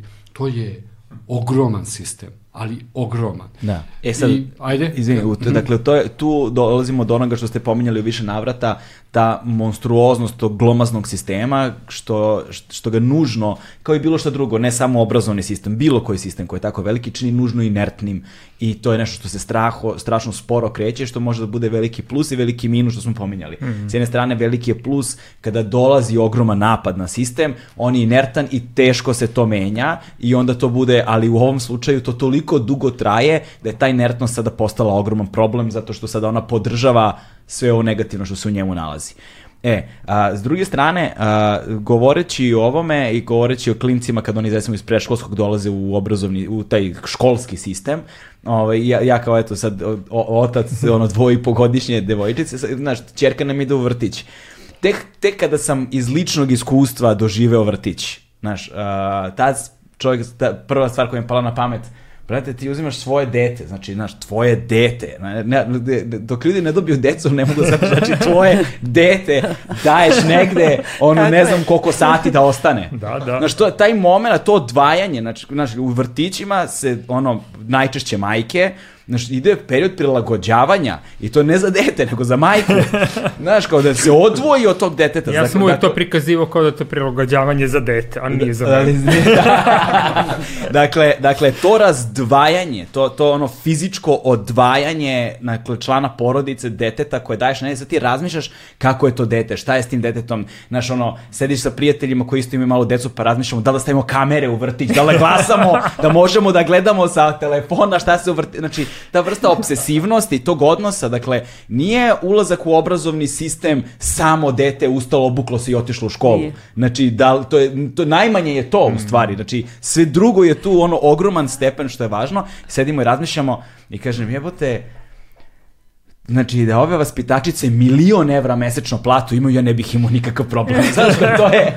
A ti s druge strane imaš, e. znaš, izvinjavam se samo, znači ti s druge strane imaš totalno su ono ekstremnu suprotnost te strane. Ali šta hoću da kažem, šta je poenta svega ovoga? Jeste, dakle, mi imamo taj jedan vertikalni sistem unutar, unutar prosvete, gde mi govorimo, ali tak ti klinci, što ti kažeš, dolaze obrazovane na nekom nivou, znaju engleski na nekom nivou, ovo, ali to što oni znaju, ko, ko bare moje iskustvo iz mog obrazovanja, kad sam ja išao školu i verovatno se mnogo stvari, stvari nisu mnogo promenile osim onoga što je internet doneo, ovaj, a, dolaze sa svim drugim sa strane, što je Bog zna kako i šta i šta je to što je njih formiralo u to u šta jesu u trenutku kad su došli. Oni imaju možda neka znanja, ali kako ih oni vide, na kojih način ih primenjuju, jer sad ti imaš taj vertikalni sistem, ali imaš i taj horizontalni sistem mm. društva. I šta je to što ono njima socijalno, emocionalno, klasno, ekonomski donose, šta je to koje oni dolaze kao neki paket mm. već tu, koji šta ćeš ti s tim paketom sada? Pa, uh, hm, to je sve tačno. Uh, današnja deca su inače mnogo šire i površnije obrazovana nego mi što smo bili. Kad kažem mi, znači govorim starije generacije. Jer mi nismo imali mogućnost, jer samo da je dovoljno da pomenemo internet, u, u naj onom bazičnijem smislu te reči. Znači oni do svačega mogu da dođu i tu ima raznih tačnih i netačnih stvari, stvari koje oni neće razumeti na pravi način, ali je suština u tome oni do njih mogu da dođu. I oni uh, strašno mnogo informacija imaju u glavi, ali je to jako površno. Oni se tako sada odnose i prema školi. Oni bi hteli sve to nešto pomalo, ali njih tako smara da se ide u dubinu, a ti prosto u nekim predmetima da bi nešto naučio moraš da ideš u dubinu, jer ako te ja spremam kao profesor hemije da jednog dana upišeš hemiju ili molekularnu biologiju ili medicinu, ti prosto moraš da ideš u dubinu tog predmeta. E, tu, tu je taj, to je taj span, to attention span koji se zove u psihologiji zapravo ta pažnja koju oni imaju fokusa, to je kod njih jako smanjeno. I kad su stariji, Oni prosto, kod njih sve ide brzo, sve mora da traje kratko e, e, i tu se zapravo promenio se učenik i psihologija učenika, kako da kažem, se promenila u odnosu na nekada. Promenio se položaj nastavnika u društvu. Znači, svašta se nešto tu promenilo na tom polju, sama učionica i dalje tu sedi 30 đaka i dalje u nekim školama imamo zelene table. Mislim, mnoge stvari se uopšte nisu promenile, ali se nužno mi sa društvom menjamo. A, to što si rekao, ja bi dao, ne bi bilo problem da nastavnik ima milion evra platu, da, to nama kažu roditelji obično kad vodimo njihove, njihovu decu na ekskurziju. Pa kad deca dođu, kad dođu kući, pa prepričaju šta se desilo, a mi to nikada ne ponovimo na roditeljskom sastanku ukoliko nije bilo ono da ugrožava nečiji život. Da. Znači to ostaje među nama, a tu svačega bude i to zaista ima veze Mislim i sa njihovim godinama i sa raznim iskušenjima, na kraju kod nekih i sa malo kućnim vaspitanjem dece, ali To, ako nije bilo ono da je ugrozilo nečiji život, to ostane među nama, malo skrenemo pažnju roditeljima na šta da se fokusiraju i to je to, ali kad im deca posle prepričaju, oni dođu i kažu pa vama dnevnice treba budu 500.000 za ekskurziju. Pritom gomila nas bi na kraju otišli bez tih dnevnica na ekskurziju, nekada je to plaćala država, da. ministarstvo, sada to plaćaju roditelji. Čisto da, apropo da, da. stvari koje su bile nekakve, da. kako je država tretirala obrazovanje, a kako to radi danas. I e, e, stvari u tome što e, ta znanja s kojima oni dolaze sa svih strana, to jeste problematično. I mi smo tu da to malo raščistimo i da kažemo da ovo da, a ovo ne. Opet, s druge strane, koliko je danas nastavnik u Srbiji opšte obrazovan? Ja moram i to pitanje da postavim. E, ovo što je Dejan rekao, da su nas, nastavnici dolazili Uh, uh, kako da kažem bili su javni intelektualci, bili su javni, javni intelektualci tako je, spisateljice, tako da. je. I nekada, ja sam znam primere iz Engleske, a to je bilo i ovde, recimo u malim mestima, u nekim seoskim sredinama, uopšte nije bilo potrebno, pre svega nije bilo učiteljskih škola. Ali je, ko dolazi da bude učitelj? Neko ko važi za obrazovanog čoveka neko ko je nekakav intelektualac, on će biti učitelj, jer ta početna znanja on može da pruži, govorimo o deci od prvog do četvrtog osnovne. Znači, a, a, sa, i tu se stvar promenila. Ja mislim da je generalno društvo, procentualno ako gledamo, mnogo manje obrazovano, a mnogo više informisano. Pazi, ja tu pravim da... veliku razliku. To je jako važno. Uh, problem je tu, baš sam uh, skoro slušao jedan NPR-ov podcast gde su se ba bavili obrazovanjem i bili, bilo je nekoliko njihovih intelektualaca koji su govorili na tu temu i pominjali su neke istraživanja koje su vrlo zanimljiva, nečega što oni zovu doom scrolling, ali nema veze, ali, ali mm -hmm. važno za tu pažnju o kojoj govoriš. Prosječna veličina ekrana je oko 15 cm sad ovih savremenih telefona, ovaj, prosječna osoba u toku dana scrolluje oko 150 metara vesti Znači oko 150 metara vesti. Što znači da na tu količinu ti ne možeš sve da pročitaš nekom pažnjom.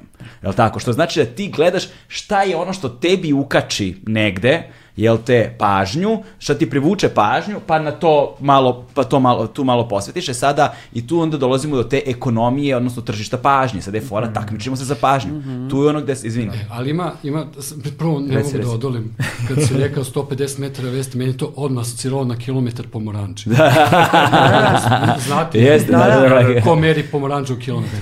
Ali, ovaj, ali, ali, ali, ali, ja mislim da, ja mislim da, da, da, ja bih volao da napravim jednu malu primetbu da, da ne bude da su baš površni i da ne bude da baš kao tako plutaju i sve. Ja mislim da deca od uvek, kao i ljudi od uvek, vrlo dobro čitaju društvo i vrlo dobro čitaju moć. Mm -hmm. Deca traže gde je moć. To je, jer moć je zapravo, možeš da kažeš moć ili put ka uspehu, sve jedno je, nazovi to kako god hoćeš. Ali oni gledaju šta su to uspešni modeli u društvu. I tu im odlazi pažnja.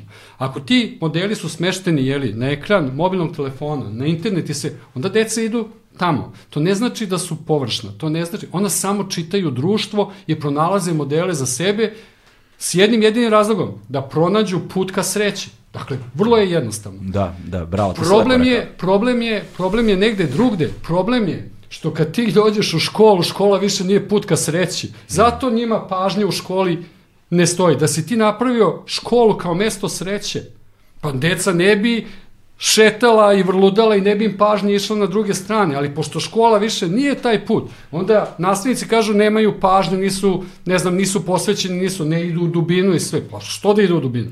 Je to neki model? A druga stvar, nije to neka velika mudrost da napraviš od škole i to je stvarno pomalo zvuči čak i, ne znam kako, malo razočaravajuće da napraviš školu kao mesto sreće. I to ima veze zaista s platom. Užasno je zanimljivo. Ti imaš dva načina da podržiš neku struku. Jedan je da je poštuješ, da je ukazuješ poštovanje na svaki mogući način. To je jedan nematerijalni način. Taj nematerijalni način više u našim društvima ne funkcioniše. Mi više se nazivamo u društvima gde se na nematerijalni način pokazuje bilo kako poštovanje. Ovo poštovanje sad moraš da izmeriš. Meri se novcima. I užasno je zanimljivo to ljudi koji se bave kritičkom pedagogijom, ovaj, nekako kada piše o tome zaborave taj segment kritičke pedagogije. Kritički pedagozi uvek kažu kad ideš da radiš kao učitelj, učiteljica, nastavnik ili nastavnica u mesta gde žive siromašni, diskriminisani, obespravljeni, kako god hoćeš, taj nastavnik mora da dobije veću platu od drugih. Ne samo zato što su radi u težim uslovima, mora više da radi, radno vreme mu je duži, problemi s kojima se suočava su teži nego što rade ljudi u drugim mestima, nego zato što je način da pokažeš da to što on radi društvo vrednuje. To vrednovanje se pokazuje kroz platu. I to je strašno zanimljivo Izvini, to znači, samo se, ako sam razumio, to znači da, da, da članovi tog društva koji vide tog nastavnika treba to da vide. Zapravo. Tako je, znači, tako je. To je, to je zapravo, ta plata nije toliko za njega koliko je za mm. njih tako, tamo. I za njega i za njih. Da. Dakle, i za jedno i za drugo. Poruka je, kako bih rekao, višeznačna. Da, da, da. I on je nagrađen, ali i društvo vidi, odnosno ta zajednica u kojoj on došao da napravi neku promenu, zapravo preko te plate nastavnika se joj se šalje poruka, važni ste, Da. Važni ste između oslog i zato što će ovaj nastavnik koji radi s vama i treba da zajedno s vama napravi nešto. Wow, koliko, sve. koliko, vi... zapravo nisam pa nikad razmišljao na taj način. Pare su i simbolička, da, zato Tako što je. tebi ako neko kaže ja imam ograničeni kolač i sad odlučim da ću da smanjim na vojsku, ali ću da povećam na obrazovanje, da. ne, ne pričamo mi ovde sad o nekim o milionima kao što bi da, ti da, da, dao, da. ovaj, ali dakle ako bi ti vidio da sledeće godine pri diskusiji o budžetu e, cela vlada pred skupštinu dođe i brani, bez obzira što i, dobro, sad naša skupština nikad ne postavlja nikakva pitanja, ali recimo da neki ove poslanici postavljaju pitanje, pa zašto ste uzeli odavde, stavili tamo, ne bi bilo samo efekat toga, nije samo da nastavnik ima, na primjer, 10% veću platu. On bi se na to navikao vrlo brzo i ne bi to bio neki dugoročni efekat. Ali bi efekat bio da bi svi mi od jedan put shvatili uh, da, iz, da je to nama jako da je važan važno. deo našeg života. I ja mm. se slažem sa, sa onim što je rekao Dejan, je to samo govorim, nama nije problem škola i obrazovanja, nama je problem društva. Jer mi kao društvo počeli smo od toga treba da znamo šta hoćemo od škole. Ali da bismo znali šta hoćemo od škole, mi prvo treba kao odrasli članovi ovog društva da znamo šta mi hoćemo od nas samih i od naših života. Tako je. I gde mi hoćemo ovo društvo da ide Tako i je. kako mi ovo društvo hoćemo za 10 godina, za 20 tako je. godina. To je pa kada to sebi odgovorimo, onda mi možemo razumno da kažemo daj da vidimo gde je mesto obrazovanju, a i onda bi nam obrazovanje realno bilo važno. Nama je sada obrazovanje, čini mi se, kao jednom društvu koje je dezorijentisano, čak i ne razgovara o tome gde bi se delo i kud bi krenulo. Nama trenutno obrazovanje, čini mi se, ako, ako bi bio sada grup, služi samo da održavamo tu rutinu, da ne kaže neko da smo mi društvo bez obrazovanja. Znači, nama sad trenutno treba da te škole postoje, da ta deca idu u školu, da ti nastavnici dođu na radno mesto, da ne bude kao u Africi, da ih nema u učionici, i ako uspe, i, to, i nekako, i onda naravno ako je to poenta vlade, onda zaista ti gledaš da za taj minimalni zahtev dobiješ ljude koji će za neku što manje para da urade taj posao. E, jeste, ali... I to tako deluje, bar možda je grubo pojednostavljivanje, ali... Da, ali u kontekstu savremenog društva škole je nekada bile... da Ana kaže kako se ona E, sad... ne, htela sam samo da, da dodam, e, rekao si, može da se prosvetarima 10% poveća plata, oni bi se to, na to navikli, ali to je, e, ima neki drugi efekat i tako dalje. E, e, Pre svega 10% na prosvetnu platu e, je 6.500 dinara, čisto da budemo jasni. Koristan Kolika je to plata. Koristan. E, ovaj, druga stvar, ja mislim da bi bilo mnogo efikasnije da se kaže da će uopšte veći deo budžeta da se uloži, ne samo plata, nego budžeta u školstvo.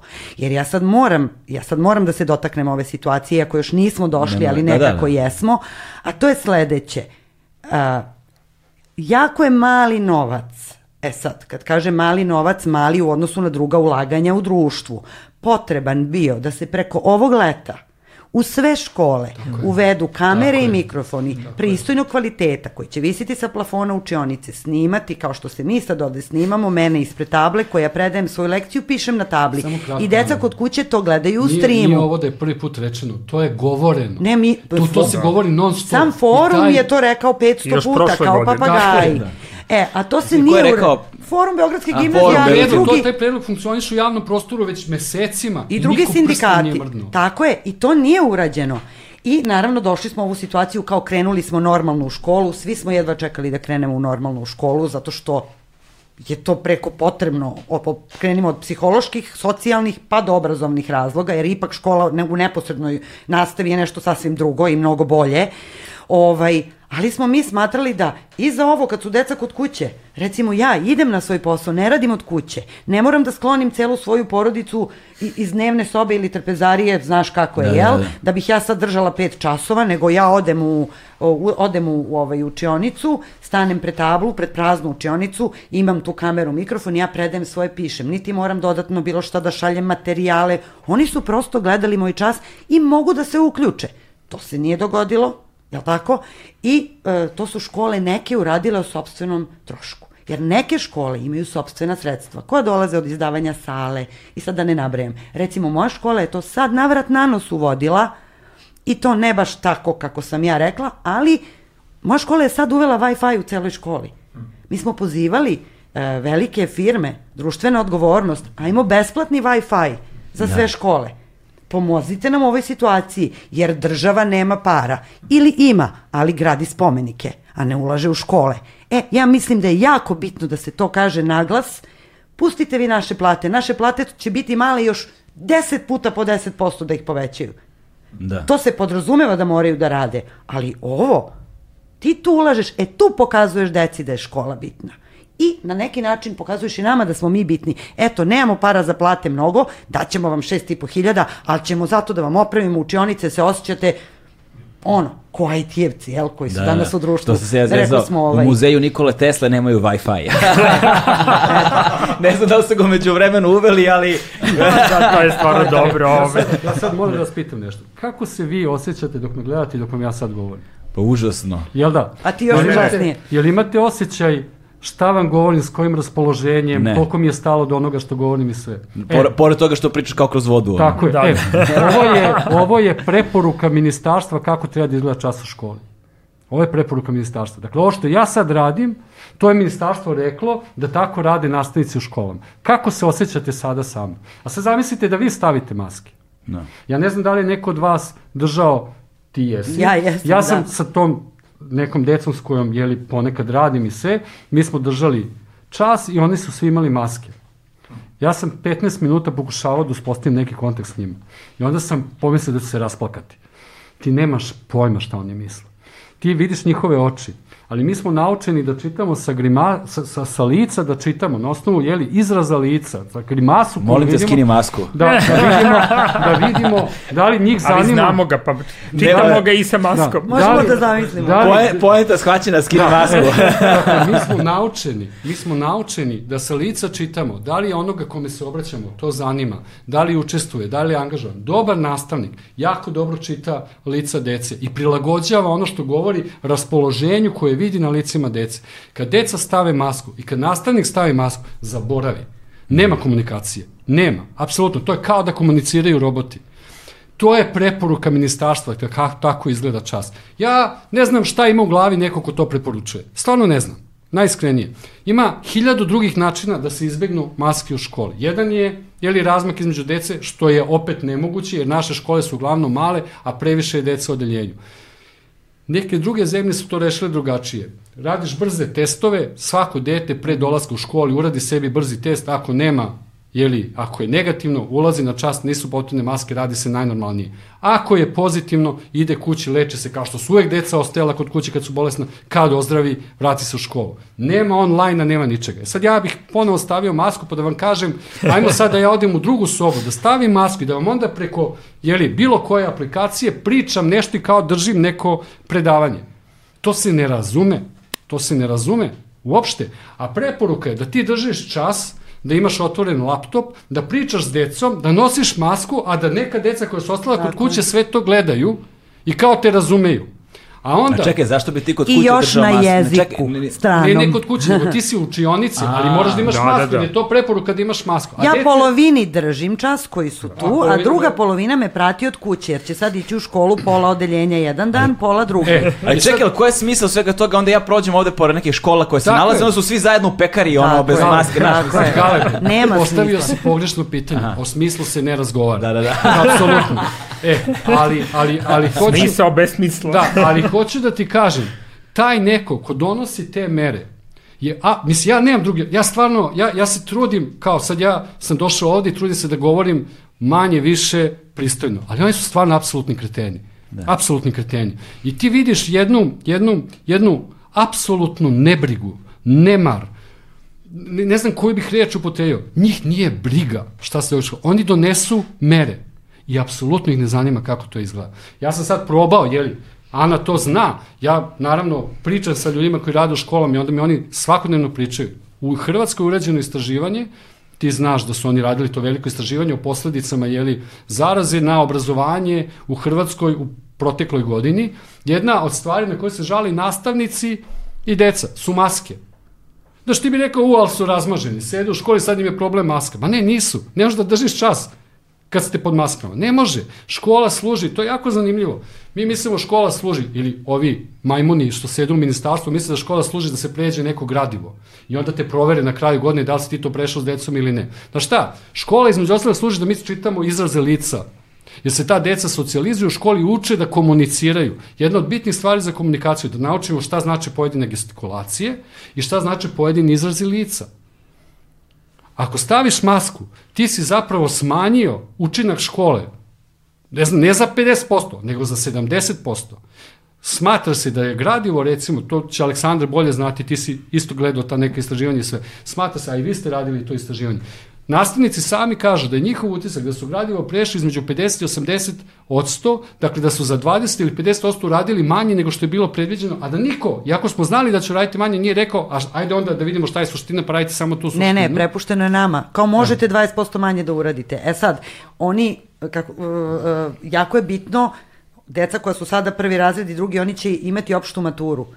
Užasno je važno i tu najviše srbisti i matematičari imaju problem zato što sva deca će polagati srpski matematiku na različitim tim nivoima. Njima je jako važno da sve pređu jer oni su izostavili različite stvari. A kada dođe matura, Niko im nije rekao, e, nemoj ove godine preći zbog Tako korone, je. taj deo, možeš izostaviti ovo i ovo, i onda svi izostavljaju isti deo gradiva i onda to ne bude na opštoj maturi i onda ni jedno dete nije oštećeno, oštećeno odlukom svog nastavnika da izbaci određeni deo gradiva.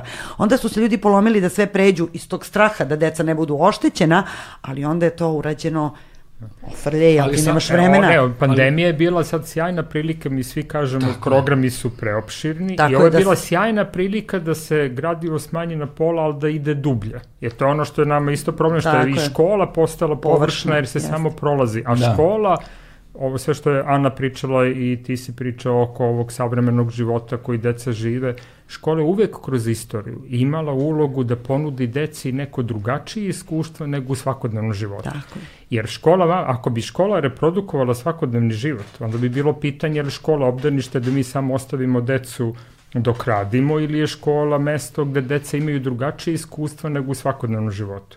Škola je uvek imala, jer je kod dece podsticala razvoj nekih sposobnosti koji se teško mogu razviti, kao što si ti rekao, ako scrolluješ, ti tada ne možeš da razviješ recimo koncentraciju, ne možeš da razviješ dubinsku analizu nekog sadržaja, promišljanje, povezivanje s nekim drugim iskustvima koje imaš i škola treba bude mesto toga. Međutim, kod nas je škola isto ozbiljne stvari kao što su programi, u stvari prevela na nešto vrlo površno, a to je da deca to nauče samo da reprodukuju. Da.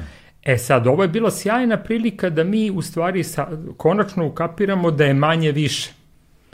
Da treba svesti program na malo, ali da onda i učenik i nastavnik imaju vremena ovo što je Dejan u jednom trenutku rekao za svoj susret.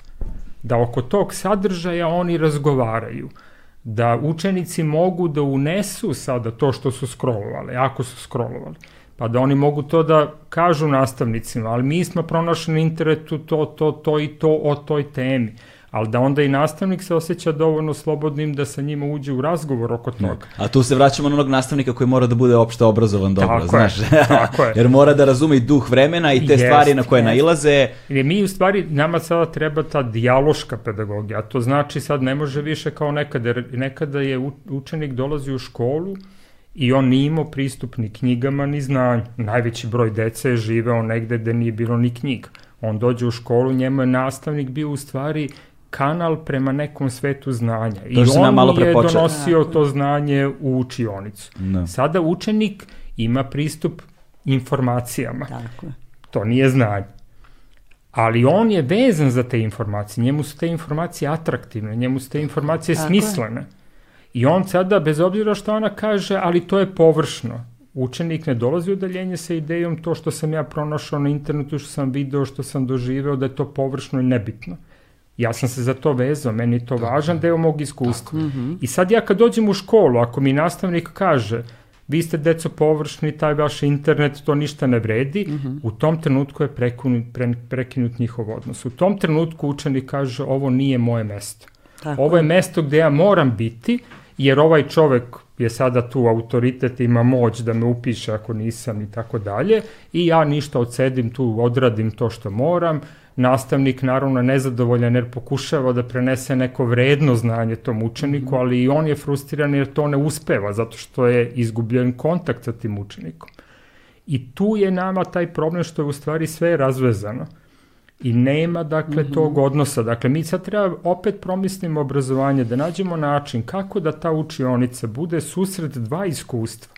Jedno je to što donosi učenik iz svog svakodnevnog života, Tako. a drugo je ovaj čovek koji zna odlično književnost, jezik, istoriju, fiziku i on treba da pokaže tom učeniku kroz obrazovanje da je to što će naučiti u školi, da će to njega sutra ojačati i omogućiti mu da bolje upravlja svojim životom, da će tada bolje razumeti sve to što vidi na internetu, mm -hmm. da će umeti bolje da odluči šta je lažno, a šta je Pravo, stvarno, tako. Pa na osnovu tog što je stvarno da on stvori svoje razumevanje, ne da ponovi šta piše na internetu, da stvori svoje razumevanje i da na osnovu tog razumevanja može sutra da donese bolju odluku da li će da, ne znam, nastavi svoj život u ovom pravcu, u onom, što je rekao Dejan, da traga za svojom srećom. Da, to je zapravo nije point o tome koliki procenat gradiva će se preći, nego da se ti opremiš alatima, Tako je, tako je. da Apsolutno. kritički sam razmišljaš Naravno, stvari. pa Znaš. naravno. To je, Pa znači sad naravno. da li ćeš to naučiti na jednom primjeru ili na sto primjera, to je ono A manje važno. To, tome smo pričali i ti i ja. I, Onoliko. I, tako je. A, a, u ovom trenutku, uglavnom, ne, ne kod svih nastavnika, i ne zato što su nastavnici zli, ali deca kad dođu u školu, poruka im je sve to što vi živite van škole je bezvredno. I sad ćemo mi vama da damo ono što vi zapravo treba da znate. Dobro, je- nije baš tako. Da, Mislim, ali to u je- nekom procentu ali možda to je tako. najpogrešnija moguća poruka koju možeš da im pošalješ. Ti zapravo, mislim, kao bih rekao, ja sve ovo što je Aleksandar rekao, potpišem i nema, nema, nema šta da dodam. Dakle, nije stvar u tome da im ti kažeš da su njihovi životi bezvredni, a u školi će da ih nauče kako da žive vredne živote. Stvar je u tome da ih naučiš da razumeju šta je to što oni žive i što je njima važno. Pa onda njima ostaviš na volju da odluče da li će dalje biti privrženi tim stvarima ili će krenuti da tragaju dalje. Mm. Ali da im ti kažeš, ne, ne, to je bez veze, a važno je ovo, to stvarno, kao ne znam, to je, to je, to je ozbiljno nasilje. Mm -hmm. Ali, mi živimo u jednom izrazito nasilnom društvu. Izrazito nasilno. Dakle, svako ko ima malo više moći od onog ispod njega je izrazito nasilan i ne komunicira i ne dogovara se, nego kaže moraš. Pa onda ministarstvo i ministar kažu nastavnicima, vi, ne, direktorima kažu vi morate ovo. Direktori kažu nastavnicima vi morate ovo, a nastavnici kažu đacima vi morate to. I niko ne pita đake, a šta biste vi? Niko ne pita nastavnike, a šta biste vi? Niko ne pita direktora, šta biste vi? Ne, ne, nema jeli, u drugom smeru nema komunikacije, nego ide od vrha na dole. I onda se čudimo. Čudimo se kako to da ministarstvo dođe 31. Pritom taj bezobrazluk da ti 31. avgusta kažeš kako će se raditi 1. septembra. To, to, je, to je takvo ponižavanje i nipodaštavanje da ja nemam reči. Izađe i kaže radimo normalno. Svi znamo da neće biti normalno. Svi, apsolutno svi znamo da neće biti normalno. Sindikati mesecima i praktično godinu dana govore kako bi trebalo da se radi. On kaže radimo normalno. U tom trenutku ja ne znam Ana šta vam je bilo u glavama stvarno. Sindikati kažu ura, radimo normalno, bravo ministre. I Ne. posle dve, i posle dve nedelje, i posle dve nedelje, raspad. A- e sad, ta poruka, izvini Dobro, molim te, a ali morat ću ta- da repliciram Naravno, ali ta, ali ta, Konačno, dijalog. ali ta poruka, ta poruka da ministar ladno izađe i slaže 31. avgusta, kako će se raditi 1. septembra, da se laž pokaže očiglednom u roku od nedelju dana i da niko, ali niko, dobro, vi jeste, ali da većina ne ustaje i ne kaže, pa sram vas bre bilo, nećemo bre da radimo tako. Nećemo tako da radimo. Ne, nego kao važi. Evo, slušamo šta ćemo. To je poruka deci, to je vaspit, to je obrazovni proces, Jeste. to je vaspitavanje. To su poruke. Ne šta je zapisano u gradivu u programu, šta treba sad. Ne, ovo je vaspitavanje. To je. Ja sam izašao 31. augusta i rekao ti, za jedan tako glomazan sistem. 31. augusta izlazim i ti kako se radiš 1. septembra. I slažem te. Očigledno, znam da lažem, ali mrtav ladno ti to govorim. Jer znam da neće trpiti nikakve posljedice. A ti kažeš važi. Misto kažeš, e bre majmune, to tako ne može. Već smo izgubili šansu za normalan polazak u školu. Daj bre da vidimo šta ćemo da radimo u ovim uslovima. Ne, kažeš važi. Onda on za nedelju dana kaže, e sad, ne znam, u 40 opština prelazimo na drugi model. I se kažu važi. To je poruka deci. To je, to, tako si uzeo, uveo vaspitanje. To je to. Tako izgleda jednosmerna komunikacija. Da. E, e, Jeste i o, moram sad da se nadovežem na više stvari. Apropo onoga da su da je površno znanje i da ćemo ih ako mi otkačimo sve ono što oni donesu sa strane kao nebitno, nevažno, netačno, mi tu gubimo odmah niti komunikaciju potpuno se slažem. Ja nisam rekla njihovo znanje je površno i ničemu ne služi, nego oni prosto danas, za razliku od nekada nas, zbog toga što je učitelj, nastavnik bio jedini kanal, on je bio veza sa bilo kakvim svetom znanja i obrazovanja za decu. E, sad danas je drugačije, oni dođu sa raznim znanjima. Neka od tih znanja su i korisna i dobra, neka su neupotrebljiva i neka su pre svega netačna, jer oni ne umeju da naprave e, odabir nekakav, jer su mladi i nemaju osnovu za to. Ali e, uvek prihvatam sve, naše je da ih naučimo pre svega kako da nađu relevantne iz, izvore. Jer ja s njima stalno kad se pišu neki seminarski radovi pričam o tome kako Wikipedia nije izvor. Da. Nego odeš u Wikipediju pa pogledaš dole ono što su oni naveli kao izvore pa ideš na te izvore pa tu možda nešto nađeš gde imaš Britaniku ili ne znam šta. Sad ja govorim u sklopu engleskog jezika. Ali, ali, ali, pazi, ajde sad ovako da kažem, možeš to da kažeš drugačije. Wikipedia nije loš prvi korak. Nije, naravno, ma naravno, da, da. ne, ali Dejane, e, ja samo moram da kažem, jer ja pregledam te seminarske, to je copy-paste strana iz to, Wikipedije. To, je sad, to, je to da ne pričamo o plagiranju i o priči naravno. koliko je to važno da to ne sme da bude tako i tako dalje. Mislim, ja to tako radim, ne kažem da rade svi, ali radi dosta mojih kolega. Ali vrlo je važno, ti ne pošliješ poruku to što sa čim si ti došao je pogrešno, nego kažeš hajde da proverimo ovo što si ti rekao, da vidimo koji je to izvor znanja i onda dete uči. više, ja njima dajem da. zadatke da stvari pronalaze na internetu, proveravaju, ali uvek tražim da imaju više izvora, da kažu kako su saznali i tako dalje, kako bi oni naučili da se tim morem, šumom informacija služe na neki način koji će mu u daljem životu biti, biti koristan i pouzdan. To je jedna stvar. Apropo, e, mi smo rekli jupi krećemo u školu. E, jesmo, mi smo bili svi jupi krećemo u školu, mi smo očajni što radimo od kuće.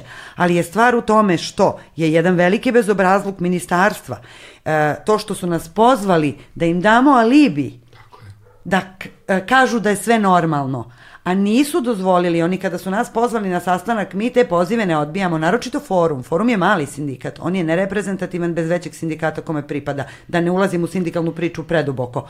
Znači, kada nas negde pozovu, a već nas dosta zovu jer smo očigledno postali negde relevantni sa svojim stavovima, izjavama i imamo neki uticaj, Ima ti, podatke na ti to ne odbijaš. Ti to ne odbijaš. Mi smo otišli svi tamo, ali Nisu oni dali mnogo prilike da se tamo bilo šta kaže. Tamo je bilo, je se vi slažete da se krene normalno, pa ćemo videti dalje. Mi smo bili a, u fazonu da, u načelu, ali nema. Spusti ruku. Nema dalje, nema ali.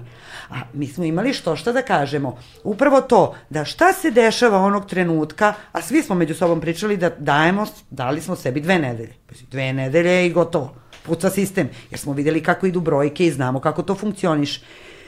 Oni nisu dozvolili da se da se ovaj postavi neko dodatno pitanje da se kaže dajte ljudi hitna javna nabavka, dve nedelje, dve nedelje, opremajte škole sistemima da možemo da radimo od kuće i pola pola, onda je uveden semafor model i tako dalje, to su prekopirali iz nekih zapadnih zemalja, Austrija, Slovenija su imali te modele mi jednostavno smo sada izgubljeni u šumi informacija. Mi svaki drugi dan dobijamo drugi podatak. Ja kada treba da vidim kako ću raditi sledeće nedelje, ja ulazim u mail od direktorke gde kliknem, otvorim attachment iz dopisa iz ministarstva i čitam aha, da, da, dobro, dobro, sad idemo ovako.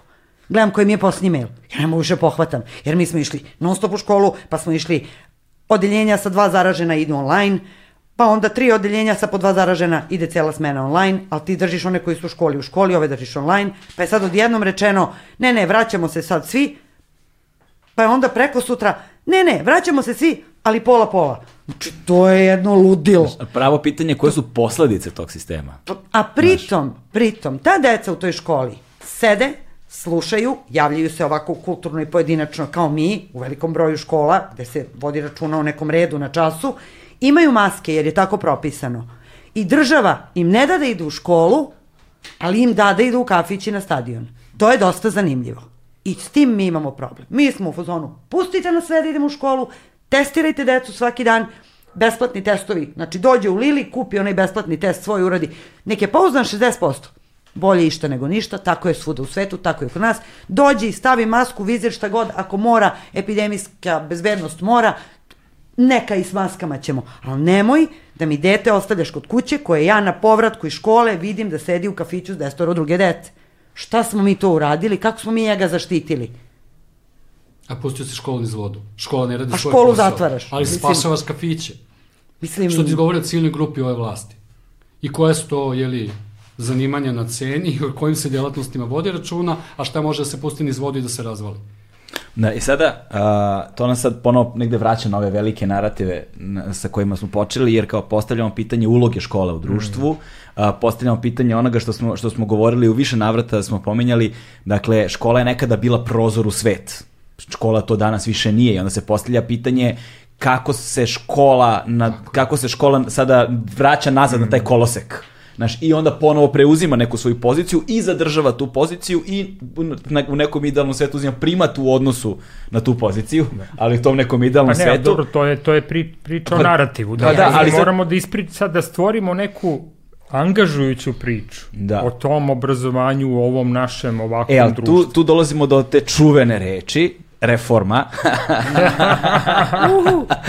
pa i u to ćemo da uđemo. Sad, pa moramo ne, ne, ne, sad tek počinjemo. Sad, da, dobro, dobro, sad zato što, smo na, na pristojnoj udaljenosti svi. da, da, ovaj, jer, jer, jer negde uh, shvatili smo, mislim, barem je to bilo jasno, čini mi se od uvek, da taj obrazovni sistem u kojem se nalazimo je isti koliko dugo? Dugo. Ma mi živimo, mi živimo inerciju onoga što smo nasledili iz socijalističke Jugoslavije. Znači, s koje godine otprilike? 50 A recimo, ne... kažemo da je to 58. uvedeno obavezno osnovno obrazovanje, imali smo posljednju reformu tamo 80-ih, znači, dobro, to je sa onim usmerenim, pa je to sad da. nestalo, vratilo se, ali manje više to je to. Dakle, 90-ih je ovaj sistem opstao i to je bilo veliki uspeh i nastavnika i škola, što je održan taj sistem u onakvim uslovima. E, posle 2000-te je bio u stvari taj trenutak da mi kažemo, dobro, eto sad su završene te 90-te, pred nama je neka neizvesna budućnost, gde mi to hoćemo da idemo i šta je to što mi hoćemo uh, da pružimo novim generacijama dece da bi oni sutra kad budu odrasli mogli da makar imaju na nivou osjećaja neku vrstu eto, zahvalnosti da su zato što su imali takve škole u životu sada u nekoj boljoj poziciji. E, mi to pitanje nikad nismo postavili od 2000. I mi u suštini od 2000. smo na nultoj tački mm -hmm. i što je još gore, ovo što se ti rekao, mi smo imali N reformi od 2000. I sad smo se već toliko umorili od reforme, a ništa nismo uradili. Znači, to je bilo ko kad bi sređivao sad ovu sobu, 20 godina, a ona posle 20 godina bude još neurednija nego što je bila kad ti počeo da je sređuješ. I sad ti posle 20 godina kažeš, Ma kao neću više uopšte da čujem o sređivanju Zaključam sobe. Zaključam vrata i služi kao ostava. To Tako je. je, da. E to je sada nama ne. problem što, što nas, u stvari svi problemi su ostali isti, još su se i uvećali, a naš kapacitet da ih promišljamo i da donosimo neke odluke i da te odluke sada sistematično radimo deseta godina na toj nekoj reformi, šta kako god da je nazovemo, su se istanjili. I svi su na ivici nervnog sloma. Tako I svi jednostavno se osjećaju kao žrtve u obrazovanju. Ti kad pričaš sa učenicima, smračiti se. Kad čuješ njihove priče, to kakvi su časovi, kako se oni osjećaju i tako, bez obzira što to je njihova subjektivna perspektiva, što ne znači da to stvarno tako i da su sve te njihove priče i o nastavnicima i o školi i onome što se dešava na času istinite. Ja sam siguran da je to uvek zakrivljeno. Kad pričaš sa nastavnicima, tebi se isto smrači ono, u duši i ono kažeš, jao, kao ono, pa kako, stvarno, znači, saživiš se sa tom pričom. Onda kad slušaš, sad neko kaže, pa evo, Dejan je puno puta spominjao ljudi iz ministarstva, onda neko kaže, pa vada su oni srećni.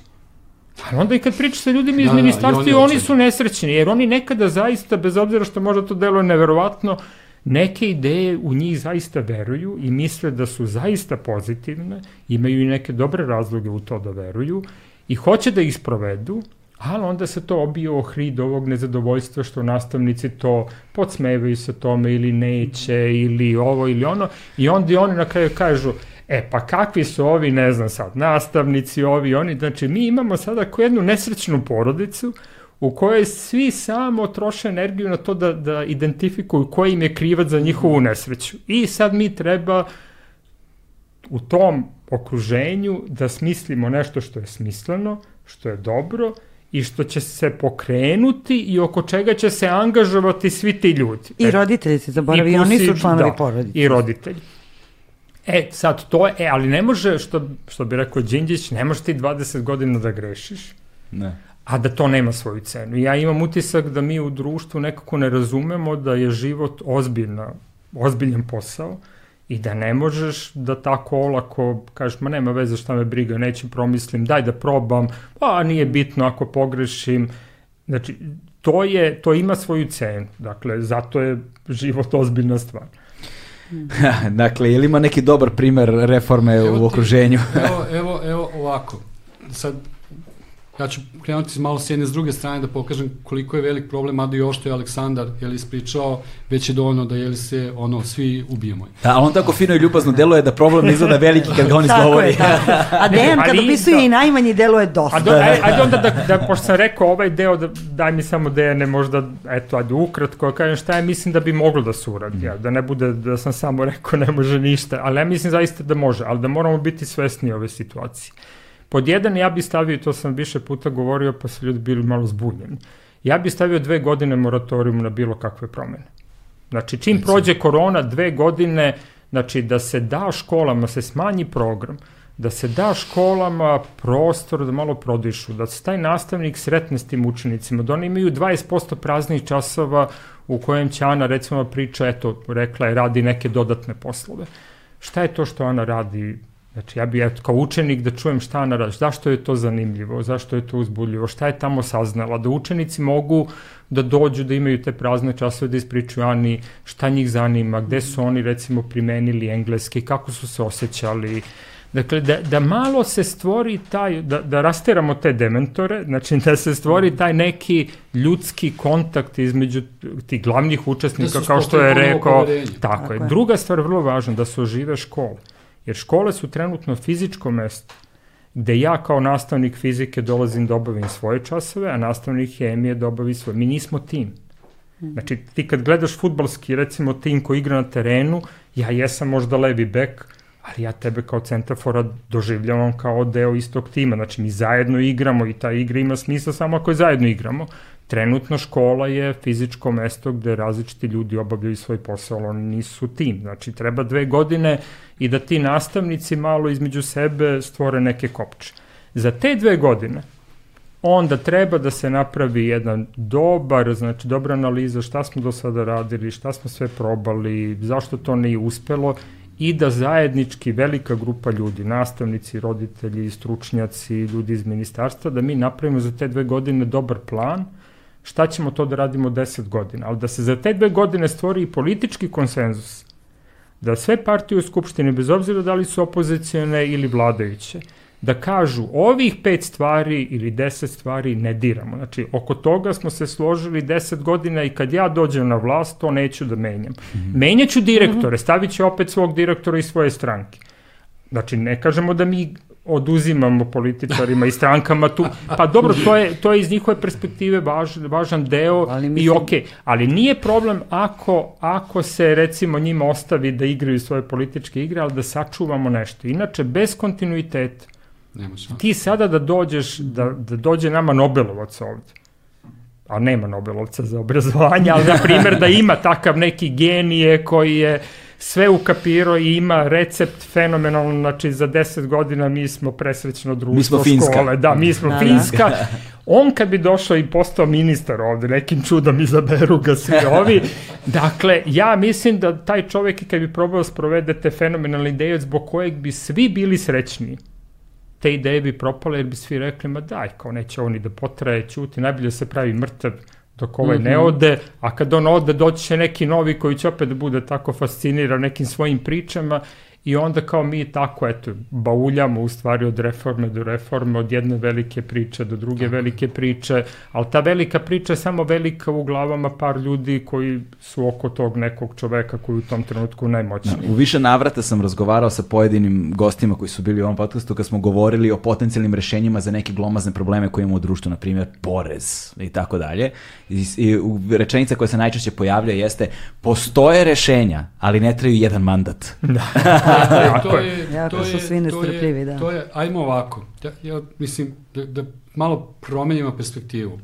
Naravno, škola za sebe može da se posmatra kao jedan nezavisan sistem i da vidimo kako bi tu stvari mogle da se rešavaju. Ali škola naprosto nije nezavisna. Škola je uvek odraz društva i ono što radimo u školi uvek je zapravo posledica kako vidimo društvo i šta bismo hteli da društvo bude. Ne može se škola posmatrati mimo društva. E sad, ajmo ovako, Sad, za vikend, su izbori u Nemačkoj. Šta se radi u nemačkim školama? ne ovde idu mlađa deca, nego ovi malo stariji mladi. Srednjoškolci. Uh, da, ali njima srednja škola počinje ranije nego kod nas. U tako, šestom razredu tako, njima da počinje da gimnazija, ali... Nisu baš mnogo veliki, ali nisu ni sasvim mali. Tako da je to nešto, neko, recimo, ne znam, deca od 12, 13, 14 godina. Ajde, Sedmi, tako, osmi razred. Tako je, recimo. I sad šta se radi pred izbore u Nemačkoj i u nemačkim školama? Deca glasaju. Dakle, ali da bi mogli da glasaju, prethodne godine su imali predmet koji se zove etika. I zamisli, predmetu koji se zove etika se priča o politici i o političkim strankama i šta je posao, pazi, predmet se ne zove politička teorija ili ne znam, zove se etika. I tu deca se obaveštavaju o tome šta je posao, kako funkcioniše društvo, šta su političke stranke se. A onda sledeće godine desi se izbori i sad deca opremljena onim što su naučili na etici, treba da zamisle da učestvuju na izborima. Kako učestvuju na izborima? Tako što zapravo se opredeljuju između stranaka koje su jeli, na političkoj ponudi. I sad imaš, to je meni potpuno predivno, imaš sajt i ti na tom sajtu ukucaš svoje preference o raznim pitanjima, a onda ti sajt da koja je stranka svojim programom najbliža onome što su tvoji stavovi. Da, video sam Recimo, taj sajt. Da. Tako je, to je jedan način. U svakom slučaju, deca glasaju. I sad, ja ovo sve znam, naravno, zato što ja jedno dete koje mi je blisko, koje ide u školu i sad to dete, ja kao kažem, mi kao, kako si glasala? Kaže, dete, glasala sam za zelene. Pa ja kažem, super, odličan izbor i sve. Kaže ona, ali znaš kao ja bih stvari se htjela da glasam za stranku koja se bavi zaštitom životinja. Jer naravno bre, dete ima, znaš ono, 12, 14 godina, naravno da mi je žao životinji, naravno da bi ona sada štiti životinje. I postoji stranka koja štiti životinje, pa kažem, pa što nisi za njih glasala? Kaže, nemaju šanse da uđe u vladu. Ne bre, razumeš, dete. I sad... Koliko godina dete? Pa, e sad nemoj da me brukaš ovde. Ovaj, e, tako da, tako, starija mladinac. e sad, to je, to je, to je, ovaj, To je užasno zanimljivo. Znači, ne samo da je savladala šta su stranke i kako bi trebalo da se odlučujemo za stranke, nego već i računa, pravi kalkulacija. Aha, Ovi su mi najdraži, e, bi glasala za se. Ali e. vrlo zanimljivo. Samo ću da se ubacim jedan ajde, sekund ajde, ovde. Pač. Pošto kod nas u školi, zna se, pravilo je, politike u školi nema. E. Znači, to je jedna no-no tema i onda kad je. ja deci dajem teme, recimo, za diskusije, koje su onako malo... Um, iz, iz, izokola, ali se dodiraju politike u smislu da li mladi treba da napuštaju zemlju, da odlaze u EU, znači te neke društvene teme koje su naravno pod uticajem politike. A, a, onda onda oni jedva dočekaju, neki od njih koji prate, ali jako su malobrojni i onda krenu da pljuju, prozivaju i tako dalje. Onda ja uvek kažem, a ne, ne, ne, nema politika u moja butiga, kao u velomistu, znate vi, nema politike u školi, ajmo mi ovim društvenim temama, malo se razumemo pogledima, ja bih vrlo rado njih pustila. I mene u stvari, ja sam očajna koliko su nepolitični. E, ali, Kad ih pitaš, ne, mene to ne zanima. Ma kako može da te ne e, zanima život ti od toga ali zavisi? Evo, evo čemu je stvar. Prvo, prosto... nije tačno da su nepolitični, ali su obeshrabreni da se bave politikom, jer politika je nešto prljavo kod nas. Ali evo da završimo ovu priču. Znači, deca se opredeljuju, glasaju, ja sad čekam da čujem rezultate iz te škole, što me užasno zanima, jer kako će da izgleda ta vlada.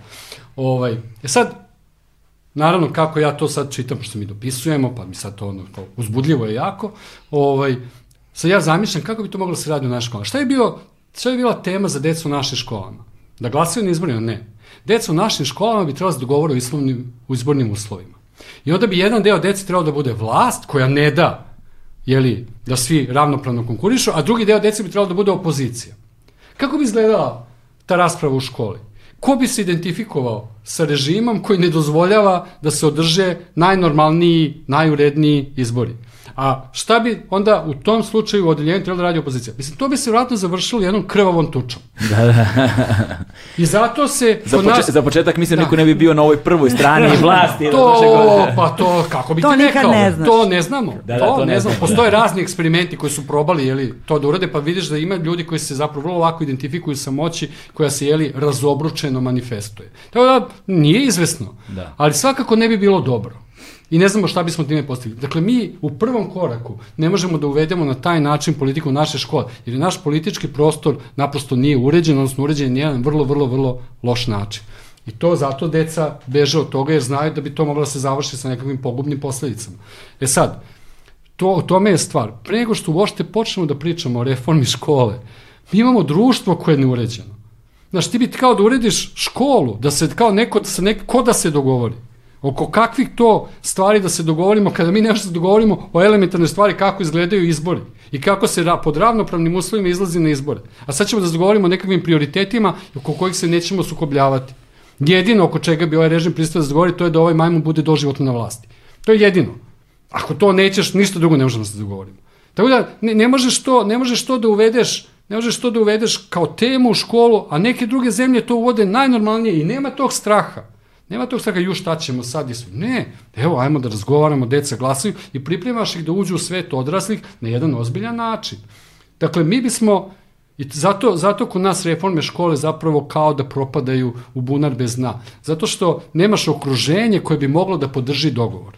Jer je to jedna autentično politička stvar i zahteva jedan politički dogovor. Mi nemamo politički prostor koji je uređen tako da u njemu možemo da se dogovaramo i da se slažemo oko nekih stvari. To je prva stvar. Ali ajde da pretpostavimo to čudo da se dogovore. Tog trenutka sve postaje lakše.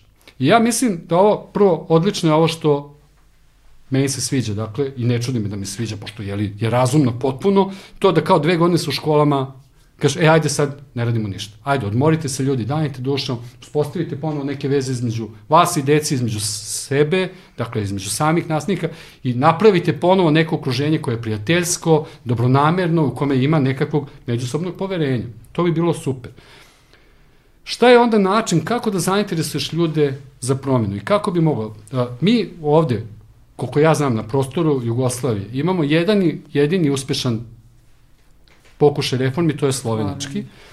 U Hrvatskoj je propalo na nekom pretposlednjem koraku, u Bosni i Hercegovini je započet, ali je i on stao jer ne može, iako je tamo jednostavnije jer su manje te jedinice. Kod nas, Aleksandar je u tome učestvovao, je pokušano 2001 napravljen je program, ja mislim Aleksandar da si ti bio zadužen za reformu od prvog četvrtog... Ne, bio tu jedan veliki tim. Da, ali ti da, si bio unutar da, tog nekog tima yes, koji se bavi osnovnom yes. školom, prvim razredima, ako se ja dobro I osnovna i srednja bili su to e, razne elementi, e, da. E, dakle, ima, Aleksandar ima u svom iskustvu pokušaj jedne ozbiljne reforme koji je isto propao onog trenutka kad je, jeli, Koštunica na neki način preuzeo, jeli, sa svojom strankom vlast u Srbiji. I prva stvar koju su je bila reforma školstva.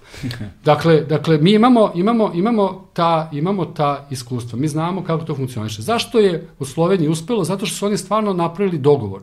I kada je promenjena vlast u Sloveniji, oni su čoveka koji je vodio reformu zadržali.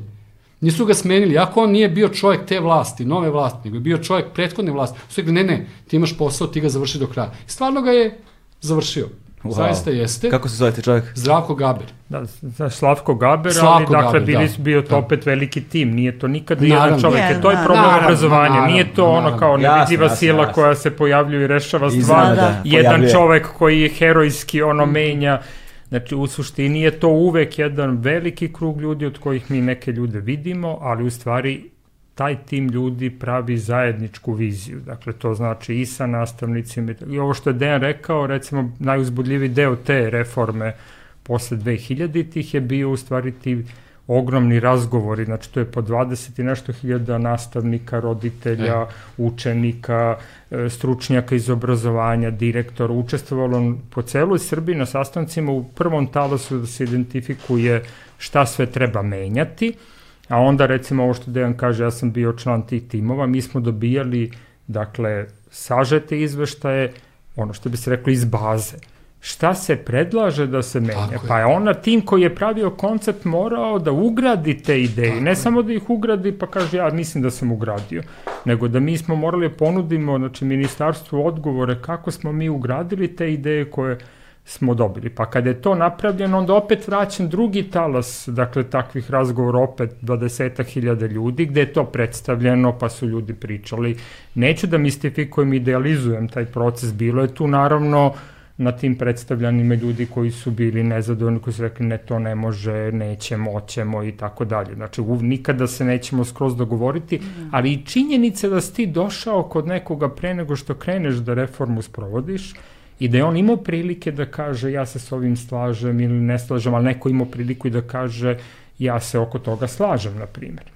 Je bila po meni nešto što je promenilo malo kulturu, dakle, mm. ovaj... E, Kultura dijaloga, e, a, zvuči da, kao da, naučna e, fantastika. I onda kad je mhm. to, samo kad, znači, kad je to krenulo, sad ovo što je Ana u jednom trenutku rekla, mora da krene od prvog razreda. To je krenulo od prvog Jeste, razreda. Mm. I danas da je to nastavljeno, da nije Tako. prekinuto iz političkih razloga, da.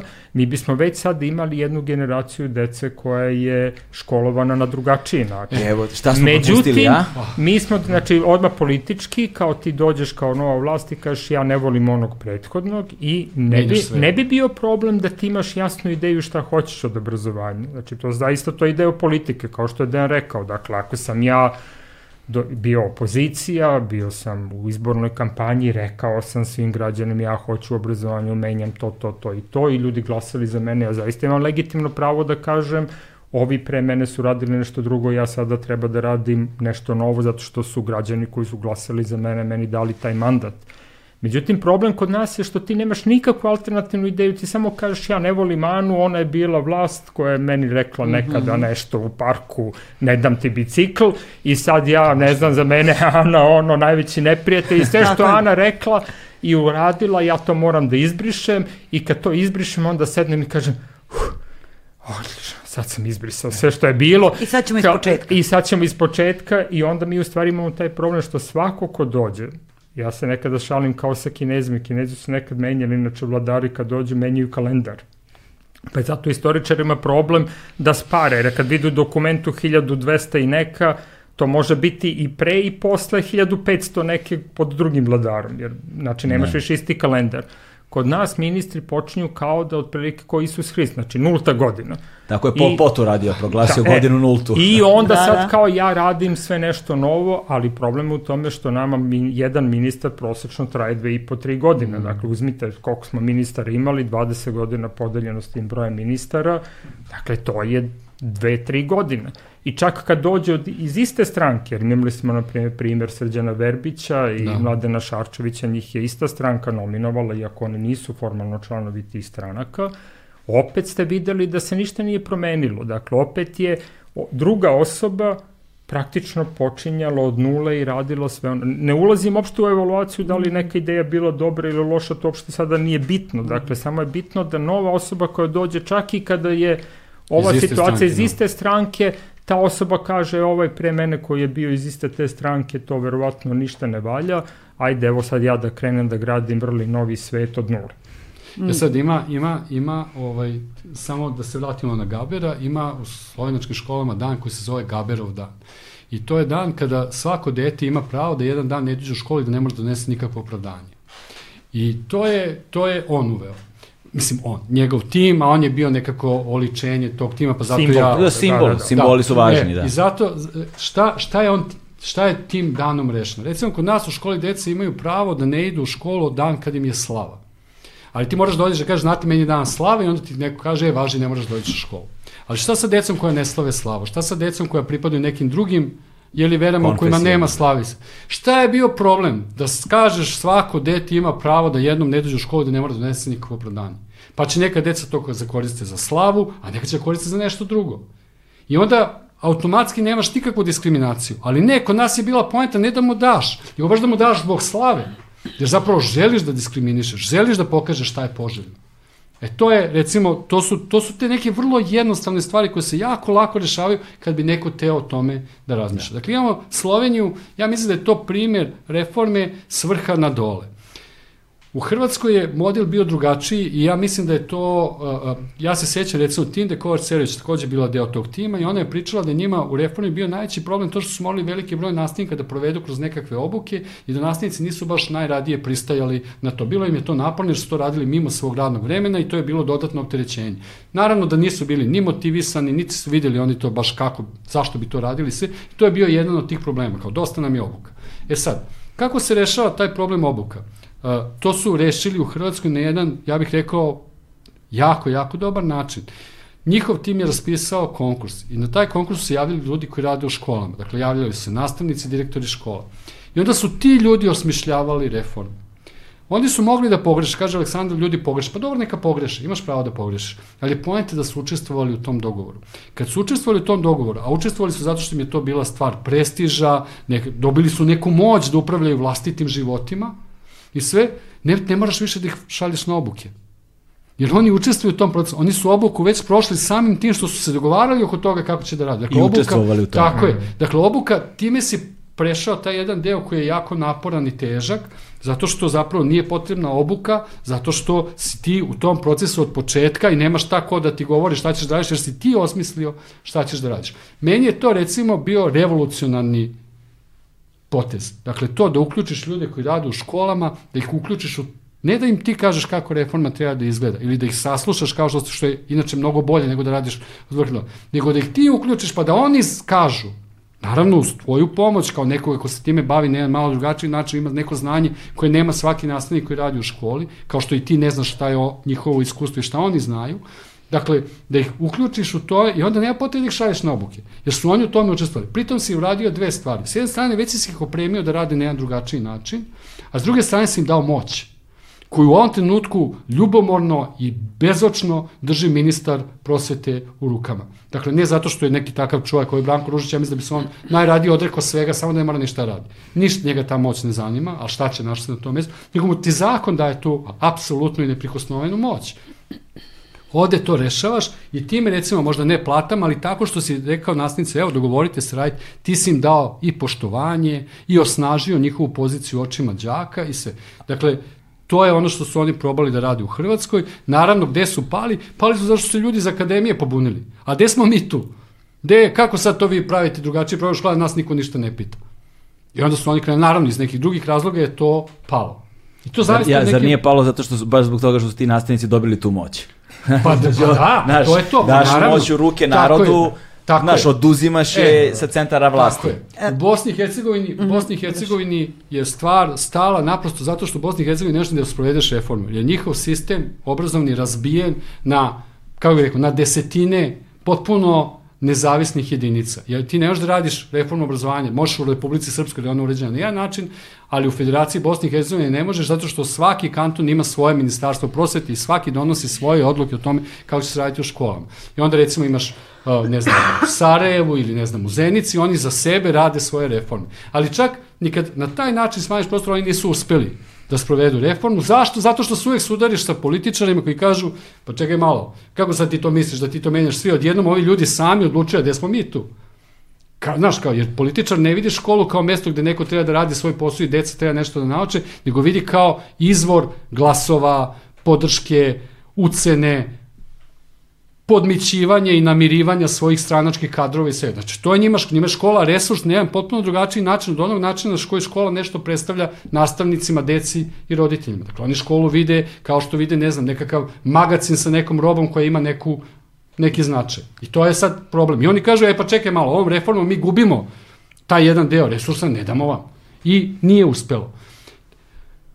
Ako bi neko kod nas, to je sad, sad ja kao Aleksandar, kao kako bih ja to recimo zamislio, ako bi neko kod nas zaista hteo to da uradi, on bi morao da reši prvo ove spoljne stvari, dakle to da se postigne neki konsenzus da će se dozvoliti da se reforma započne i dovede do kraja. To je prva stvar.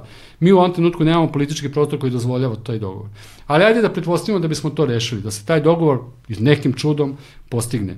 Sledeći korak bi bio da ljudi kao što je Ana dođu i kažu ljudi nam u školi izgleda ovako, ovako i ovako, a mi mislimo da bi trebalo tako, tako i tako.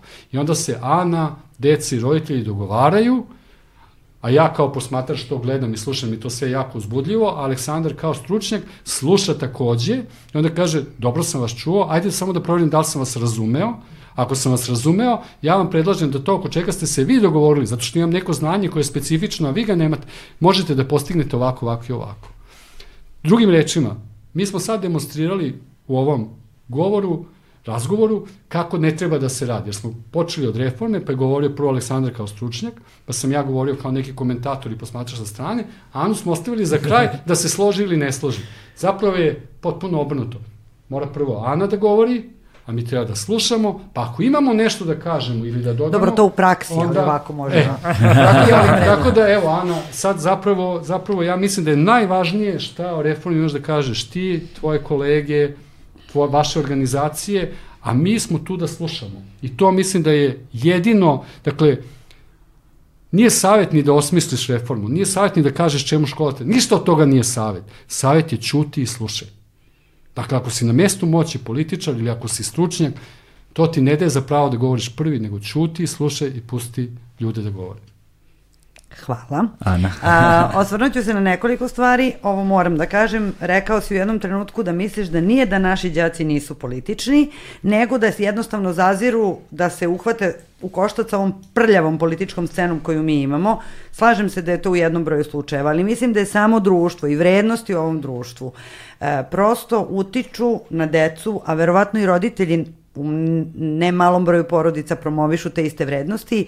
E, da treba prvo gledati sebe i svoj interes. Ako dete ima interes i mogućnost da nakon srednje škole upiše fakultet negde u inostranstvu ili ovde pa da ide na master i ostane tamo negde, oni otvoreno meni kažu, što bih se ja time bavio kad ja neću živeti ovde? Ja kažem, pa dobro, ali, znaš, vazduh je zagađen, Rio Tinto, zaprljaće reke, pa ali ja neću živeti ovde. Ja kažem, pa valjda će ostati neko ovde ko je tebi bitan, pritom ovaj ceo razgovor se odvija na engleskom jer ja predem engleski, znači je meni tema časa. I ja kažem, da li ostaje ovde neko ko ti je važan ako će udisati otrovan vazduh i piti otrovnu vodu? Pa da, ali to je poslednje što im je na umu. Mnogo su, generacije su mnogo usmerenije, egoističnije, sebičnije, ružne su ove reči, nisu svi takvi, ali prosto mislim da same vrednosti u društvu i odnos prema nekom zajedničkom dobru i samima sebi je drugačiji nego što je bio. I tu ima raznih činilaca, pa taj na kraju krajeva i ta prljava politika, slažem nisu se, deca, deca nikad kriva. nisu kriva ne. Da. i to apsolutno potpisujem. To je jedna stvar. Druga stvar što se tiče ministara prosvete, unazad, kako god, naravno da je bilo boljih i loših, ali uglavnom nijedan mi nije ostavio neki ne znam kakav utisak. A, prosveta je generalno jedna sfera gde nema para. Mnogo I onda se taj ministar prosvete uvek kad se pravi vlada, ne znam da li ste primetili, ali mi to vrlo pomno pratimo koji radimo u školi, on ostane poslednji se sazna ko će biti, jer to je moneta za potkusurivanje. To se daje onoj partiji koja ulazi u koaliciju i koja ćete, e, a prosvetu možemo da im damo. Taj je fazon. I tako je i Ružić završio novo mesto, čovjek nema veze s prosvetom. Mislim, Šarčević ima mnogo više veze s prosvetom, Ali je bio, bio jedan, tako je, ali je bio jedan bahat, nevaspitan čovek koji kada bih ja tako razgovarala sa svojim đacima, kako je on razgovarao sa nama i sa novinarima, ja bih dobila suspenziju. Da se razumemo. Znači, na nižim nivoima sistem funkcioniše bolje nego među njima ali dobro, on je sad pa negde... Pa ne isto pravila tamo. Tako je, on je sad negde u senci, vidim, zadržao je čovek neki on je položaj. Savjetnik, mi, tako je, savjetnik, i savjetuje. Ne on ne Šta god. Savjetnik. Nije važno. E, to su ove dve stvari na koje bih se osvrnula. Što se tiče reforme, taj diskontinuitet je užasan problem. Jer ti vi kad svake dve godine počinjete reformu, mi smo strašno zbunjeni. Mi uopšte ne možemo više da, to je isto kao sa ovom online nastavom. Mi uopšte ne možemo da pohvatamo šta je od promena deo koje reforme. Jer mi smo obaveštavani o svakoj. I vi stal, na, na početku, u septembru, kada imamo, mi imamo prvo nastavničko veće, pa imamo deljenska veća, pa stručna veća, pa pedagoške kolegijume, to se tako zvuči, ho, ho, onako malo socrealistički, realno, i na tom pedagoškom kolegijumu mi sad dobijamo novine I svakog septembra je to gomila novina. Mi smo fazonu, čekaj, zar nije bilo prošle godine? Jeste, ali od ove godine je ovako. Mi kao, aha, zato ljudi imaju odnos. Ma daj bre, ja radim svoje, pišem ono što... E, e, zato što je stalno bitnija forma od sadržaja. I mene to užasno nervira. Kako može forma da ti bude bitna? A mi svi na kraju završimo tako što zadovoljavamo formu. Što sadržaja ni nema, potpuno je nebitan.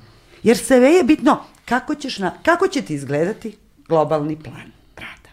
Dodali su jednu kolonu, upiši ishode, upiši standarde, a standardi ovako izgledaju. Uh, ST 21135.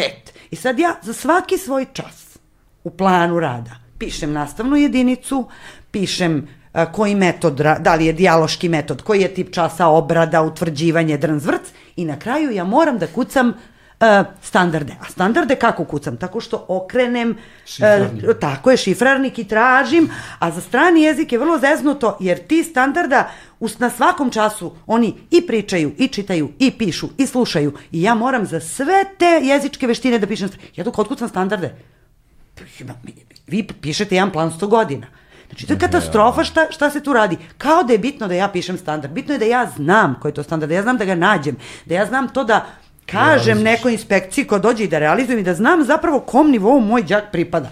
Kao da... A pritom, te planove, mi šaljamo pedagozima i psiholozima. Oni to kao formalno pogledaju. Mislite da to neko čita?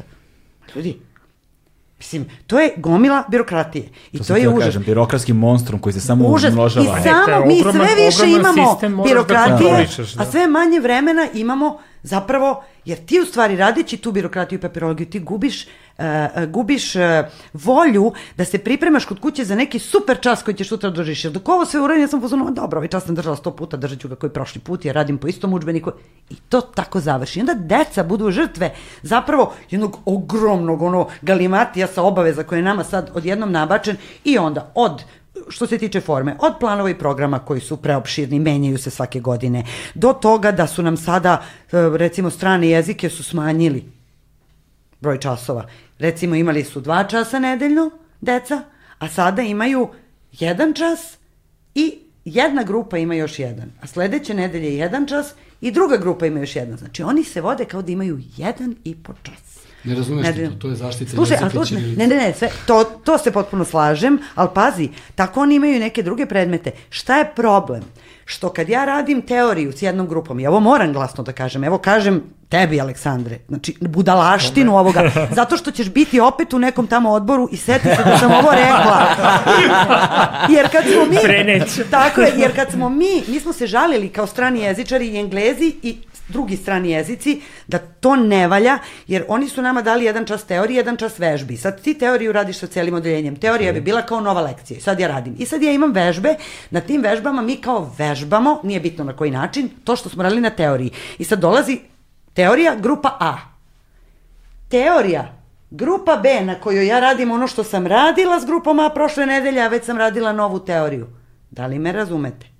Aj ponovi još jedna grupa, Nisam razumeo, e, čekaj. Exactly, ali a, jedna grupa stalno kasni, stalno radi vežbe za teoriju koja je rađena pre dve nedelje, a jedna grupa je stalno u korak. Zato što je trebalo da naprave u ogledalu, treba da se prave rasporedi, to je užasno komplikovano, ali to mora da se kaže. Jer ja kad moj direktorki kažem napravite raspored u ogledalu, da grupe prate, zajednički prate teoriju, Pa znaš ti kako je to teško, pa ko će to napraviti? Ja kažem, znam, ali prosto reci tamo jer ovo ne valja ovako. Ona kaže, ja ću da kažem, ali ako kažu da ne mogu, taj što ko pravi raspored, ja ću kažem, dobro napravi kako možeš. Jer je zapravo užasno teško, ali o tome niko ne razmišlja. Neko je smislio da postoji teorija i vežbe. Vežbe, pola odeljenja, ovako, a pola odeljenja, meni 17 đaka. Pola odeljenja, jer ih imam 34 u gimnaziji. Znači, a, a, i mnoge druge stvari. Ne valjaju, ne valjaju nikako. E, Mislim, sve se bazira na ishodima, ok, onda ti teraš ljude da pišu te ishode i tako dalje. To je sve neužigano, teraju nas da imamo identične planove i programe. Recimo, svi englezi moraju da imaju, da koriste identičan plan. Sad, mi imamo neku temu. I u okviru teme moja koleginica radi pripovetku, a ja recimo radim prevod. I ja kažem, ja neću radim u pripovetku, ja neću radim pripovetku. Ja hoću pripovetku radim u okviru neke druge teme. Ja ću deci pustim film. Dva časa na engleskom da gledaju i da diskutujemo o temi. Pa, ali ovo je da bi se zbližile kolege u aktivu, u kolegijumu, da bi sarađivale. Pa mi sarađujemo i bez toga da nam plan bude identičan. Nemoj me terati da budem rob forme nekakve. I onda mi tu uskraćuje kreativnost. A kažu, udžbenik nije neophodan. Samo obradi teme. Pa čekaj, a šta ako ja odaberem da recimo ne radim po udžbeniku, nego da obrađujem teme, a koleginica radi po udžbeniku, kako onda poštujemo isti plan? Mislim, sve je to zajedno užasno komplikovano i loše. Neko tu nije promislio. Nikada nas nisu pitali, ovo što je Dejan rekao, nikada nas nisu pitali šta mi mislimo treba da se uradi. To sve rade ljudi koji nikad u životu nisu stajali u učionici. To je suština. Ti vidiš šta su njihove manjkavosti. Oni zapravo ne znaju kako funkcioniše čas, kako funkcioniše škola i, i kako, šta će tu da budu problemi. Mi Možda čim nisu dobijemo- išli u školu. da, mislim, išli su sigurno, ali du, iz drugačije ti perspektive razmišljaš kada si ti s te strane. Prosto, To je đacima odme jasno. Nama đaci kažu prirodnjaci, njima radi mozak stoma sad kao. Profesorka, ne valjamo ovaj raspored, što nam niste napravili raspored u ogledalu, da imamo teorije vežbe, vežbe i onda niko neće kazni. Kasne, ja kažem, Tijana, ti si ovaj, uh, matematičar. Uzmi, molim te, razradi taj plan, daj mi donesem direktorki da je kažem, evo, đaci vam kažu šta treba uradite. Nemoj mene, ja sam glupi društvenjak, pošto je to inače, to je jedna floskula sad koja važi na glupi društvenjaci, IT, prirodni smer, to je jedino što vredi. I ja kažem, dajte vi decu taj plan, oni lepo sve osmisle deca. Ali ako ove što pravi raspored kaže ne može, ne može. I E, htio sam da kažem, znači, to je jako lepa ilustracija velikog problema u obrazovanju, a to je da ti sada pričali smo koliko je to masivan sistem. Znači, zamislite samo da upravljate sistemom gde imate 1100 i nešto osnovnih škola, 400 srednjih škola, svaka ta škola funkcioniš u nekoj zajednici, ima neki broj ljudi, učenika, znači iz perspektive upravljanja to uopšte nije jednostavna stvar. Međutim, po inerciji kako se nekad upravljalo obrazovanjem, sve je birokratija. I neko pokušava u stvari da sve smisli onako do detalja A, B, C mm, i da mm. onda kaže, e pa sad taj tamo u školi, kako god da se zove XY, samo treba da radi ovo A, B, C i to je kvalitetno obrazovanje. Znači, cela ideja implicitna u osnovi je da neko pametan osmisli praktično skoro svaki čas i onda ljudi, nastavnici u školi treba to samo da realizuju. A mi smo Međutim, proboti. problem je u tome što mi smo ško... onda ako, ako hoćemo takvo obrazovanje, onda uopšte ne treba školujemo nastavnika na visoko, tako na nivou visokog tako obrazovanja. apsolutno. Onda ne. mislim zaista ako, ako će neko pametan da smisli sve šta će kaže tako nastavnik je. učeniku, onda to stvarno mislim možda uzmeš ljude sa srednjim obrazovanjem i da budu nastavnici. Ako mi hoćemo i mislimo, a obrazovanje uvek bilo najviše obrazovanih ljudi, dakle ako se već školuju nastavnici kao visoko obrazovani, onda tako treba sistemski da ih tretiramo. Tako je. A to znači da ove ishode, znači da mi kažemo nastavniku šta on treba da uradi okvirno sa đacima u nekom širem vremenskom periodu, da on dobije svu podršku u smislu nekih znači, programa, materijala, učbenika, ali da su to instrumenti nastavniku, a ne da nastavnik robuje prema tome. I da onda kažemo, slušaj, mi smo te kao društvo obrazovali na nivou visoko obrazovane osobe. I mi samim tim verujemo da ti vada znaš taj svoj posao, tako, jer ako ga ne znaš, onda opet mi smo pogrešili, znači mi nismo Absolutno. obrazovali kako treba. Onda, znači, mi treba ljudima damo neku autonomiju. Ne. E, ali problem u tome što birokratski sistemi kažu, jao, ali ako damo autonomiju, pa Ana radi po ovom rasporedu časova, a ovaj radi po onom rasporedu časova, Kako ja da, da kontrolišem to? Eksternim testovima, Tako evo ja ću da vam e, kažem. E sad, znači, to je, znači, to je, to je isto jedna velika novina koja se sudara sa našom kulturom upravljanja. Znači, ti sada hoćeš u stvari da daš autonomiju školama, ali onda ako daješ autonomiju, onda mora praćenje tog sistema da ide preko onoga što izlazi kao neki rezultat, šta su učenici naučili, a ne, da. a ne preko toga, dakle, pazite, imate zemlje, to je onaj primer Finske ili Hrvatske, gde ti sad čak kažeš školama, ne morate ni da dozovete predmete biologije, istorija, geografija, ne morate da imate ni ovakav raspored časova, ni onakav raspored časova, znači to je deo vaše autonomije, dakle, vi znate decu koja dolaze kod vas, vi znate porodice, vi znate njihova životna iskustva, vi znate sredinu u kojoj oni žive, vi znate ovaj program koji je došao od nas i mi smo vas školovali kao visoko obrazovane ljude da vi napravite u stvari ono šta treba da se Kurikulum radi, kako neki, treba da, da se da, radi u učionici. A ako se vi kao škola dogovorite i vi razni nastavnici, da jedan će da radi na ovaj način, drugi će da radi na onaj način, ali svaki taj način dovodi opet do istog, ja mislim da mi treba budemo srećni jer će to biti onda mm. kvali, kvalitetnije, jer čovek će kvalitetnije da radi ono što je sam osmislio i u što veruje. I nema načina da neko u Beogradu, u nekoj kancelariji u Nemanjinu 22 smisli jedno rešenje koje će biti fantastično. Da, kao tepik za, da pokriva da, sve. Da. Tak, yes. to je, e, ali... ima, ima samo jednu stvar, uh, uh, možda će biti korisno. Uh, uh, Ako se vratimo malo u istoriju od koje smo jeli pošli, pa smo ispričali nešto kao šta su škole, kako su nastajali se. Škola je sistem koji je nastao praktično u vrlo kratkom vremenu kao ogroman sistem i usisao je u sebe veliki broj ljudi. U tom trenutku nije bilo dovoljno kompetentnih ljudi da se bavi poslom koji je trebalo da se radi u školi. I zato je smišljen taj sistem kontrole. Učbenici nikad nisu bili potrebni deci.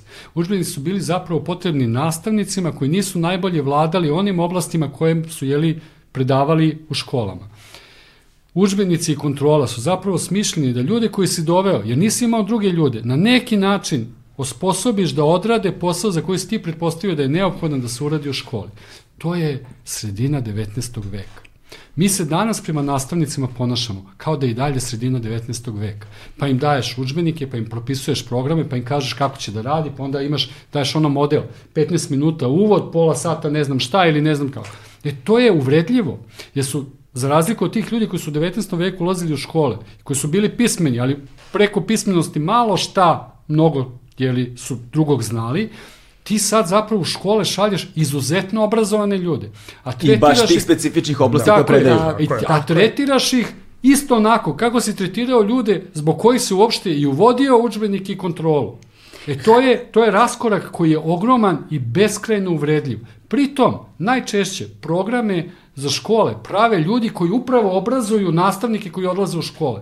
To znači da taj koji pravi program apsolutno ne veruje da je sam u stanju da odradi dobar obrazovni posao, jer ne veruje ljudima koje je sam obrazovao i poslao u školu.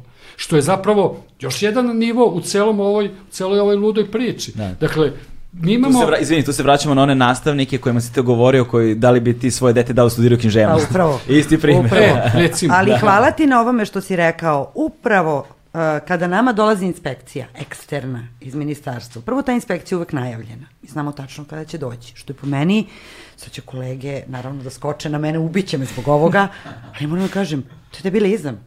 Jer ako ti hoćeš decu da iznenadiš testom, 15-minutnim, što ja recimo nikad ne radim, ja isto najavljujem testove i ne dajem te 15-minutne, to zaokruži ABC.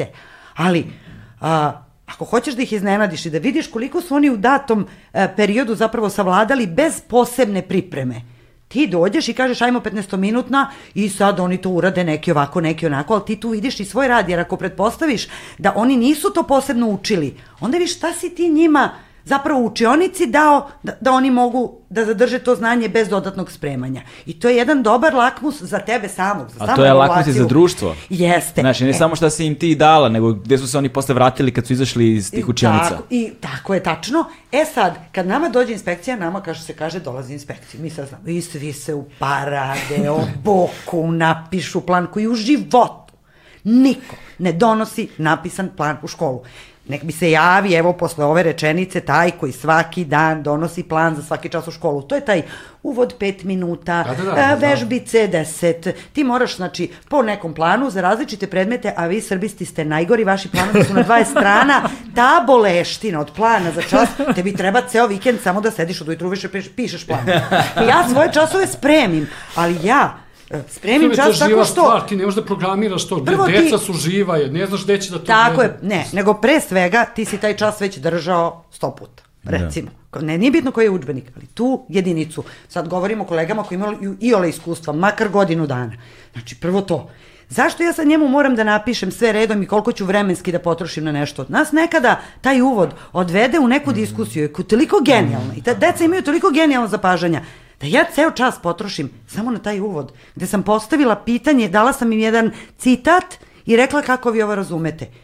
I to je iznedrilo takve ideje pametnih mladih ljudi da sam ja u fazonu, ma daj bre, baš me bre briga za, za prošlo vreme koje je kao jedinica na ovom času, daj da mi da. pričamo, nego mi ćemo to prošlo vreme da obradimo sledeći no, čas. Daj da bude present continuous. Da, a šta mi, tako je, a šta mi zapravo radimo mi to? Sad onda varamo se, mi pišemo stvari koje nismo radili. Umesto da te puste da lepo napišeš u dnevniku ono što si radio, jer je taj čas bio genijalan i deci sto puta korisniji. Sad ja govorim iz perspektive stranog jezika, može da bude isto tako istorija, da ih samo jedna profesora, rečenica profesora toliko zaintrigira da oni pričaju i mnogo više saznaju o nekom periodu istorije ili nekom vladaru ili bilo čemu, nego da on sad njima diktira godine i, i priča celu lekciju. Znači, suštine, oni nas teraju da se ukalupljujemo, oni time zapravo e, nas teraju da se, da, da se da ogradimo od kreativnosti, ne. da lažemo, naravno da varamo sistem time što pišemo da. različite stvari, jer ti stalno juriš i pratiš neki plan i program. Ja uopšte to ne radim, mene baš briga za to. Ja čak i pišem ono što radim, potpuno od udara od plana. Ja sam rekla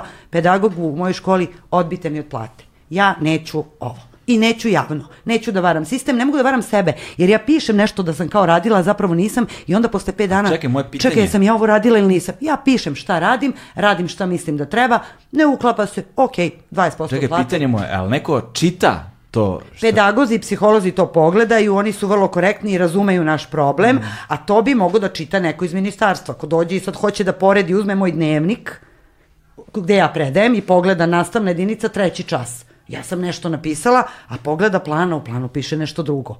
Aha, ja sam odstupila od plana. Onda su nam rekli, vi kad odstupite od plana, a vi u belešku napišite, odstupljeno je od plana zbog, nemam ja bre vremena za odmor od pet minuta, pišem zašto sam odstupala od plana. Bio je dobar čas, deca su bila zainteresovana, to je po meni Hvala, najvažnije, doviđenja. hvala, doviđenja. Ja tako funkcionišem. Nisu svi spremni na to, neki jako vole da budu ukalupljeni, da na, na, na, na. Ali meni je ta inspekcija došla na čas koji je kompletno na engleskom, eksterna. Došle su mi dve žene koje ne govore engleski. I gledale su moj čas. I rekle su da je čas divan, interaktivan, da vrca od energije, da se deca javljaju, da svi znamo engleski, da je wow. I najbolje ocene na tim ovaj, eksternim inspekcijama dobijaju ljudi koji sve ono donesu, one papire, plan to, uparade se sve i onda ljudi koji generalno nisu neki veliki radnici i onda de, kažu deci dolazi inspekcija se javljate da se na na na i onda to bude super čas i onda oni dobiju najbolje ocene, onda mi u kolektivu se gledamo jer znamo da su to ljudi koji generalno ne rade. Ovaj, jer mi smo gledalo društva. Znači, e, ovo sad što pričam, ja ne pričam, prosvetari su loši. Koliko u celom društvu ima radnika, neradnika, kreativnih, starobodnih, ta, toliko ima i u prosveti. Znači, nas ima svakakvih kao u svakoj firmi. Znači, to što smo mi nastavnici ili prosvetni radnici ne znači da smo drugačiji kao ljudi. I to tako ide, tako nas ucenjuju. Mislim, sve vam je jasno. Onda. E sad, Šta recimo, koliko mi, koliko mi u stvari kao društvo sputavamo kreativnu energiju. Zamisli, recimo, evo što kaže Ana, sticajem okolnosti desi se dobar čas. Zar ne bi bilo onda bolje zaista da Ana taj čas opiše i da može da ga stavi na raspolaganje svim nas profesorima engleskog jezika, pa možda i taj koji neće da se previše trudi, ali on ume da prepozna da je to dobra ideja. Možda će prepozna da je dobra ideja, ali će reći, ma nije to za mene, ja, nemam, ja nisam taj karakter, ne umem ja to na taj način, ok. Ali će da pročita možda neki drugi čas, koji će napisati neki drugi nastavnik i on će reći, ja, vidi, ovo je dobra ideja, hajde da probam.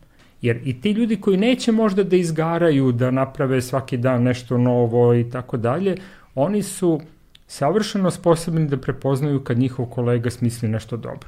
Ali onda sistem ne sme da bude kontrolisan po ovom principu da li si ti napisao ono što piše u administrativnim dokumentima u dnevnik, nego onda mora da sistem se podesi sprem nastavnika i da onda kaže mi hoćemo da ti nastavnici koji smišljaju na svakodnevnoj osnovi fenomenalne ideje, hoćemo da u stvari sada napravimo sistem u kojem te ideje mogu da dopru do drugih nastavnika, pa da oni mogu da budu ojačani, jer niko od nas nije izmislio ništa novo u svom životu. Svi mi imamo, pokupimo neke dobre ideje od nekoga, a obrazovni sistem funkcioniše tako da ideje uopšte ne cirkulišu kroz taj obrazovni mm -hmm. sistem. One cirkulišu samo od ozgo na dole. Ali, mm -hmm. dakle, uopšte nema neke horizontalne komunikacije, saradnje, a imaš, ne treba tebi za uspešan sistem 100% kreativnih nastavnika. Tako. Tebi je dovoljno je. i 10-15% ljudi koji hoće, koji mogu, koji imaju inspiraciju, imaju je danas, a posle godinama nemaju, ali neko drugi će imati sledećeg meseca, pa će one tamo imati sledećeg meseca, dakle, treba da se potpuno, dakle, taj sistem osmisli na način da omogući kao što je Dejan u jednom trenutku rekao, da se ta piramida moći obrne. Da. Da direktor podržava nastavnike i drugi nastavnici nastavnike, da ovi iz ministarstva podržavaju direktora da bi direktor mogu da podržava nastavnike, da bi onda svi zajedno mogli u stvari da pruže klincima neko pozitivno iskustvo u školi, u kojem će ta deca da se angažuju, sve takva kakva mm -hmm. jesu, ona su deca svog vremena. Naravno i takva kakva dolaze u školu, da oni dožive da je to ta škola mesto u kojem oni mogu da ispolje svoje osjećanja, svoje razmišljanja, svoja iskustva, da će se onda sresti sa tuđim iskustvima, da će tu nešto da se desi, neka hemija zbog koje će to dete sutra kad izađe iz škole nešto drugačije da radi ili će drugačije da doživljava svoje iskustva i da onda tako imamo taj, ali taj sistem mora da bude usmeren prema deci, ali da bi on bio usmeren prema deci onda moraju svi da rade da. prema tom nastavniku i da nam taj nastavnik zaista bude taj naš najvažniji akter zbog koga ceo ovaj sistem postoji, a ne da svi postoje za, samo zbog jednog čoveka koji u datom trenutku... To nam, to nam, otvara, jednu, to nam otvara jednu temu, nego sam samo hteo da pitam jedan komentar, komentar slash pitanje. Da li ta inspekcija zna razumeš šta se zapravo tu dešava no, da i onda tu postoji prećutno no, podrazumevanje, odnosno prećutno pristajanje, što onda govore o nekom prećutnom pristajanju u celokupnom sistemu, kao dakle, o raširenoj laži. Pa, apsolutno, da. apsolutno, zato što kada se deca žale na nekog profesora, recimo ulože prigovor roditelji, oni pišu direktno ministarstvu, recimo ulože prigovor protiv profesora i to bude anonimna prijava, znači profesor ne može da zna koga je tužio da ne bi bio, jel da, da se ne bi svetio i tako dalje. E, obično prijave dobijaju najbolji profesori koji su zahtevni. Kod nas je to slučaj često s profesorima matematike, pošto je deveta generalno jako, jaku sekciju matematičara ima. Naravno, oni se obično žale u prvoj godini jer njihova deca bogati ne mogu da stignu da urade sve zadatke jer su spori, zato što u osnovnoj školi nisu radili ništa. To su sad neke druge priče ja govorim iz naše perspektive gimnazijske, koji mi problem imamo, onda se roditelji žale, onda dođe inspekcija na čas tog profesora matematike, ali tu dođe onda stručna inspekcija, dođe recimo psiholog i matematičar, oni gledaju čas, pa onda gledaju njene pripreme i sve, to je onda mnogo temeljnije kad je uložen prigovor i naravno obično budu oduševljeni i uopšte im nije jasno uh, jer kad vide i ocene ostale i tako dalje, zbog čega se dete žalilo. Naravno, ta deca posle četvrte godine kad upišu ETF dolaze da kažu hvala vam što ste nas ovoliko naučili. Oni kad su mali, oni imaju osjećaj da ih tu neko maltretira, ali e, najčešće nadrljaju kolege koje zapravo super rade svoj posao jer su možda malo zahtevnije za nečiji ukus nekog roditelja Ali, u prvoj godini. za ukus. pa, ja moram to da kažem. Da, da, da, jer, ne, ne, mislim, jer je samo fascinantno da, da to postoji uopšte kao jer, e, kategorija. Jer deca nisu naučena da dobiju dvojku. Znaš, deca kada dođu iz osnovne škole, četvorka je najniža ocena kod većine dece.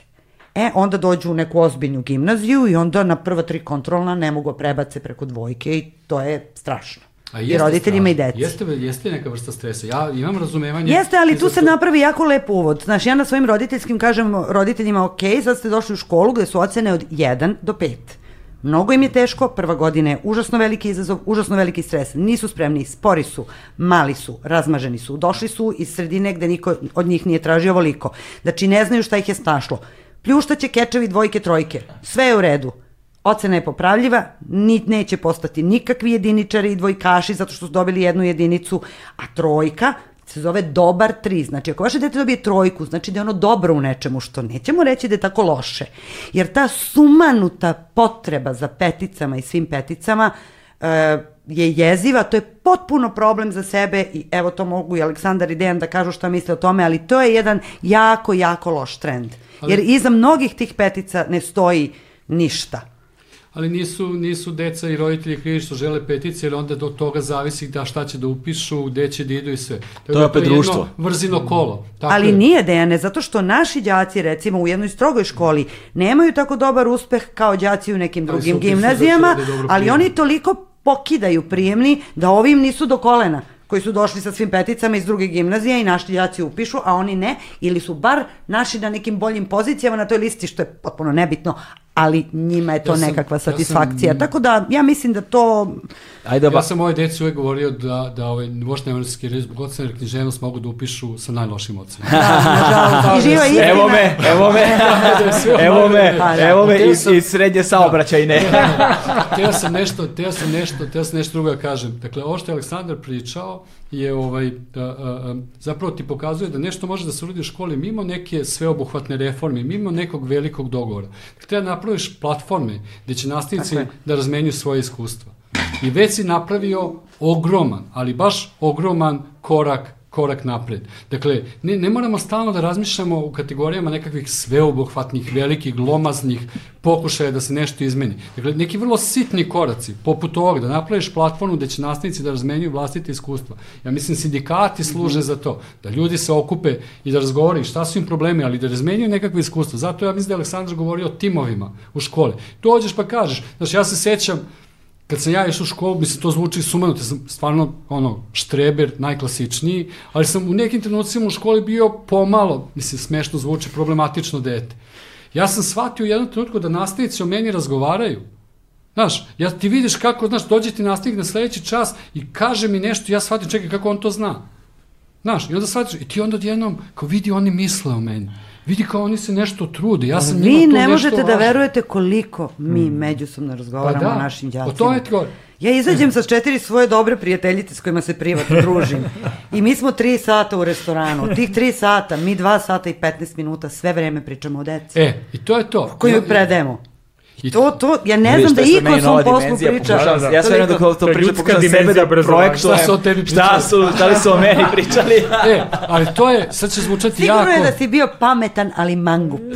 to ti je ono. ali, ali, ali, ali sad će zvučati jako patetično ovo što ću reći. Ali mi stalno školu vidimo kao mesto znanja ali škola je mnogo efikasnija. Sa, gotovo da me sramota što ću ovo reći, ako bude mesto ljubavi. Mm. I sad, znaš, ljubav možda sad razne znači, ako bude mesto pažnje i mesto poverenja. Mm. Ja se da potpuno Da se deca osjećaju sigurno u školi. Onda je obrazovni učinak milion puta veći nego ako školu tretiraš kao mesto znanja. Potpuno je nevjerovatno. Znači, ako ti je znanje stalno u fokusu i gradivo stalno u grodu, imaćeš manji učinak nego ti fokus bude na uzajamnom poverenju, na pažnji i na toj razmeni tih dobrih osjećanja. Ja to zovem ljubav, možda se zove i nekom drugom reču, nije važno. I onda ti je i obrazovni učinak, savladavanje znanja, znatno veći nego kad držiš formalno znanje u fokusu. E, ovo što Ana priča i ovo što Aleksandar govori kada govori o timovi se, to ti je ta priča. To ne mora da se rešava reformom, ali nekako moraš čini mi se, bilo bi dobro da, da smo ne. toga svesni. Znaš, ti kad vaspitavaš dete, a svi imamo, to je skuzna, ovaj, a, a, a, a, ti, ti, kao i rekao, ja sam kao roditelj grešio herojski. Dakle, promašivo sam i sve snage. I ponekad ne bih dao ni dobre savete, ponekad ga bih pribegavao merama koje nisu baš najsrećnije. Dakle, stvarno, znam da sam grešio. Ali ono što mi je stalno bilo važno, to je da moja deca znaju da ih ja volim i da želim sve najbolje. I oni ti oprosti kad pogrešiš. Jer zapravo si ti poslao glavnu poruku. A to što si grešio, što si ponekad nešto bez veze govorio, ne ponekad, nego poprilično često zapravo izgovoriš apsolutne budalaštine. Nekako se oprašta. Da. Jer si to radio iz najbolje namere i umeo si da posreduješ, umeo si da pošalješ tu poruku o najboljoj nameri. E to je, to mislim nekako stalno se sta, nekako je sramota da govoriš o tome da moraš da voliš decu s kojom radiš. Ali ima život, mislim, ima jedan projekat koji sam najavio od početka i koji potvrđuje u potpunosti ovo. Sve manje više mnogo od onoga što smo pričali. Dakle, mi smo u jednom trenutku rekli, ok, svi smo već previše nam ipak ovih nekih depresivnih priča i tačno, ovo sve što smo mi ovde ocrtali, to je neka opšta situacija obrazovanja ali onda mi vrlo lako tu opštu situaciju pretvaramo da je to situacija identična u svakoj školi. Mm. Dakle, jedan Evo, sad su one tim škole ljudi, da, da jedan tim ljudi je rekao, ajde obrnemo logiku. Možda jeste u proseku stvarno, možda je 80% škola takvih, odgovaraju o ovom svemu što smo mi ovde rekli, ali stani. To znači da je bar 10 ili 20% škola, u njima se dešava nešto drugo. A 10% škola od hiljadu i po, a sad kažemo mi smo gledali osnovne, znači od hiljadu i to je 110 škola. Mm -hmm. Dakle, postoji 110 nekih oaza gde se dešavaju neke dobre stvari. E sad, šta je po nama bilo dobra stvar? Bila je u stvari dve, dva aspekta. Jedan je upravo ovo o čemu je Dejan govorio, da je to mesto gde se ljudi dobro osjećaju, i učenici i nastavnici. I drugo, da učenici puno nauče, zahvaljujući školi, a ne privatnim časovima i tako dalje. Znači ove dve dimenzije. I tako, evo ja kandidujem moju školu za takvu školu. Da, e, vi ste bili gimnazije, mi smo gledali osnovne, tako da, ova, e. I posle toga smo, znači, identifikovali, naravno, gledali smo, ok, ajde deset škola da izaberemo, ali da budu iz različitih sredina. Znači, neka seoska, neka gradska, neka mali grad, veliki grad, ora, prigradska i tako dalje. Da bismo videli upravo malo razlike da, i da odemo, znači da posetimo te škole, da upoznamo te škole, da vidimo šta se tamo dešava. I nećete verovati, te škole su užasno različite. Negde imate direktora koji je, na primjer, laissez-faire. Znači, on je, čak ima jedan, jedan primjer gde čovek došao po političkoj liniji, Znači, iz nekog razloga njemu bilo važno da bude direktor, bio je njegova partija, je to mogla da mu ostvari, on je došao u tu školu, ali on je prepoznao da u toj školi postoji dobra grupa nastavnika i onda je on u stvari s njima napravio neku vrstu prećutnog pakta. Dakle, pošto ste vi super nastavnici, vi nastavite da radite to što radite dobro kako radite, ja imam ovu poziciju koja mi je važna sad da kao da, da pokušavam da zamislim taj njihov zamišljeni dijalog, ali ja ću vas da štitim, jer ću koristiti sada ovu moju političku poziciju da ja štitim školu da biste vi kao nastavnici mogli da radite. I kad pričate sa ljudima u toj školi, vi vidite da nastavnici nisu srećni što je njima došao politički direktor, ali jako cene, možda to ne znam da li bi to rekli tom direktoru, ali kad razgovarate s njima, oni cene to kao gest i kažu to je okej. Okay. Dakle, imate, imate direktora u nekoj drugoj školi koji je potpuno ima drugi stil upravljanja. Ali ono što je zajedničko svim školama, to je interesantno. Znači, mnogo toga je različito. I ako bismo hteli da uzmemo jednu priču i sad kažemo svim školama, e sad vi budete ovakvi, jer ovo je dobra formula za uspeh. Ne, nema toga. Jedino što je zajedničko svuda, to je da je to mesto gde se ljudi dobro sarađuju, imaju dobre odnose, I ja se setim uvek jedne nastavnice koja je rekla sam dva, tri puta u svojoj karijeri imala mogućnost da odem u školu koja mi je bliža, ali ja više volim da putujem svakog dana 45 minuta ili sat vremena, da radim u ovoj školi, jer znam, ja svaki put kad to pričam naježim, da mogu da odem kod svakog svog kolege na čas ne najavljen. Tako je. Svako može da dođe na moj čas.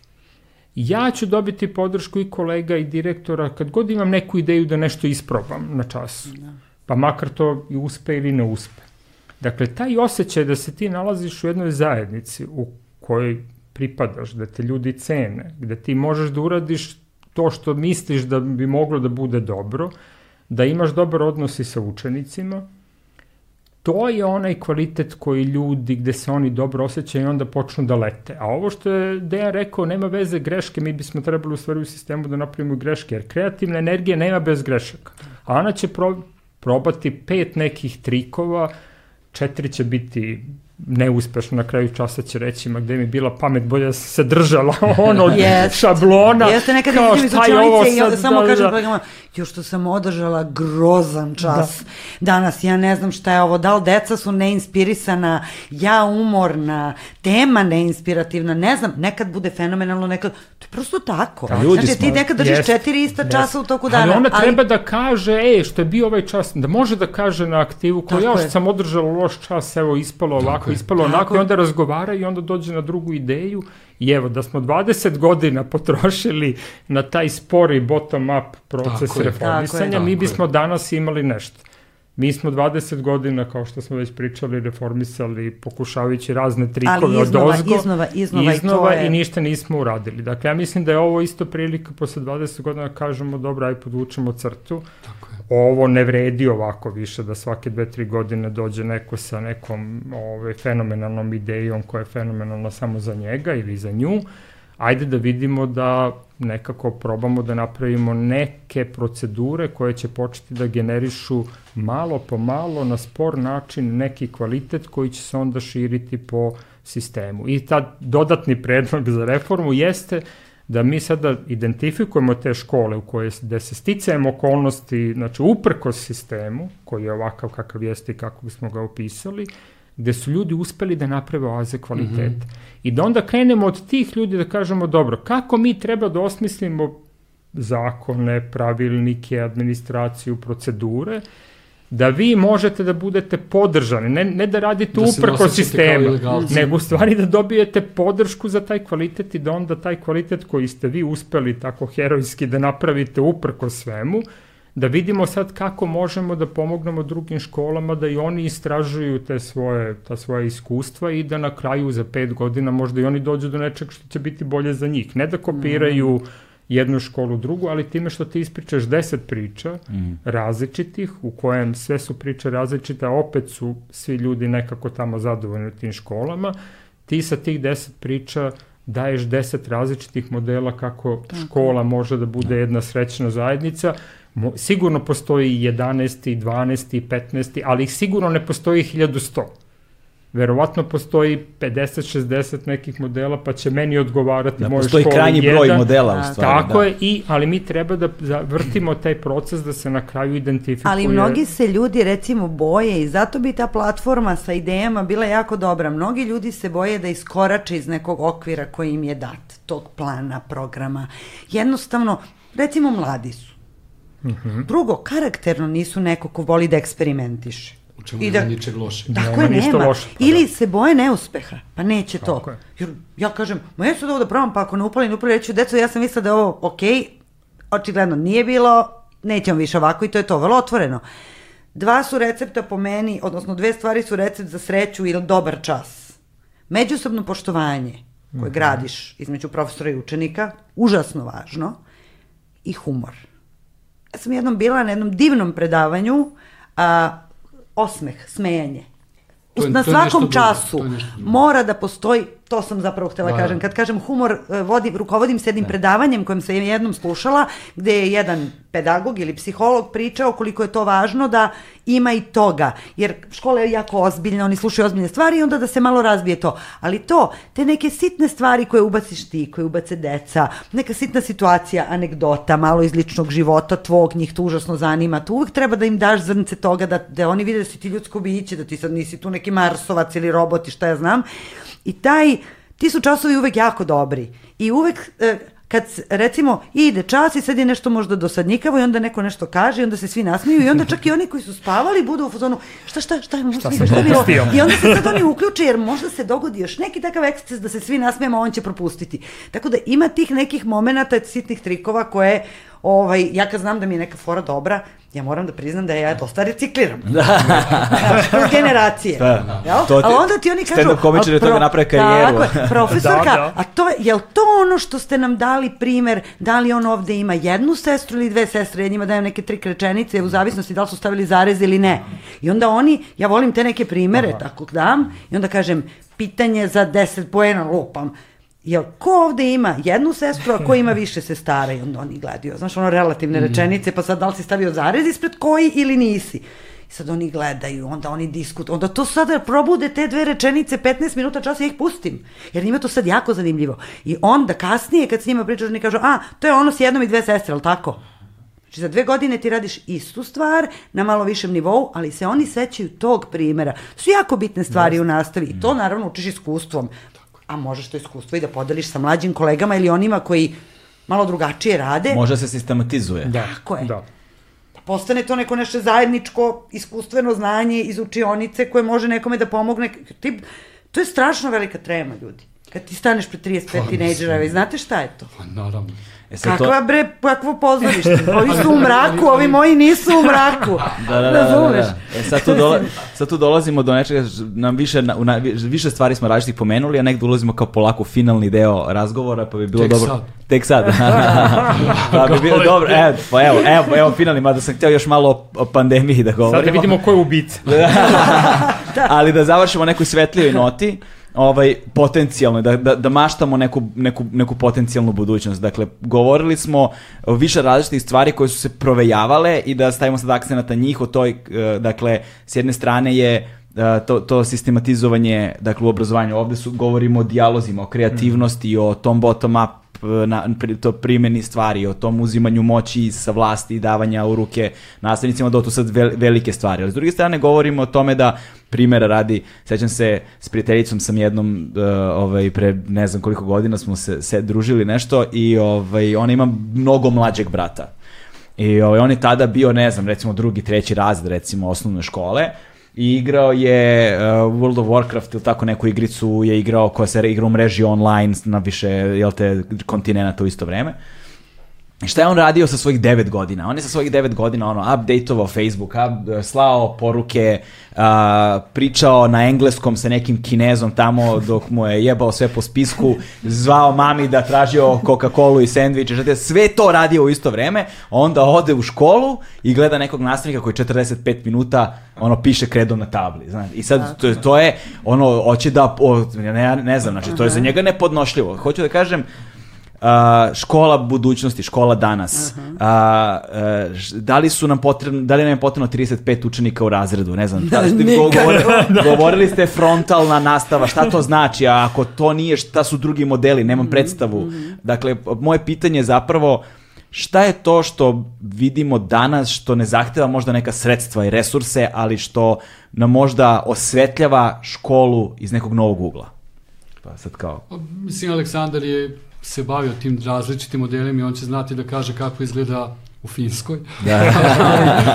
ali ovaj, i to je zaista ti kad, kad, kad pričaš o tim mogućim modelima, uvek se te skandinavske zemlje isplivaju u prvi plan. Ti jako je zanimljivo sa recimo pokušajima da se reformiše škola u Sjedinjenim državama, ti si pojavio se jedan vrlo konzervativan talas, ovaj, među kojima je ovaj poznati književni, jeli, uh, nazovimo ga teoretičarem i kritičarem, ovaj, Eduard Hirsch, koji zapravo se zalaže jednu vrlo ako sam ja sad pogodio ime, što ima moj problem, ovaj, zalaže se za jednu vrlo konzervativnu obliču. On kaže, ne, nikad ničega lošeg nema u tome da deca sede u klupama, da gledaju jedno drugom u potiljak, da nastavnik stoji ispred njih, nema ništa, nikakav problem u tome da deca da uče na pamet i sve. I on je on objasnio, on je ponudio argumente, pošto nije glup čovjek, daleko od toga da je glup, on je ponudio argumente. Znači, u trenutku kada ti, recimo, u Americi imaš jak talas progresivnih pedagoga, mm -hmm. da, da, da mora iz temelja da se menja to okruženje u školi, imaš jedan drugi talas koji zapravo kaže ne, ne,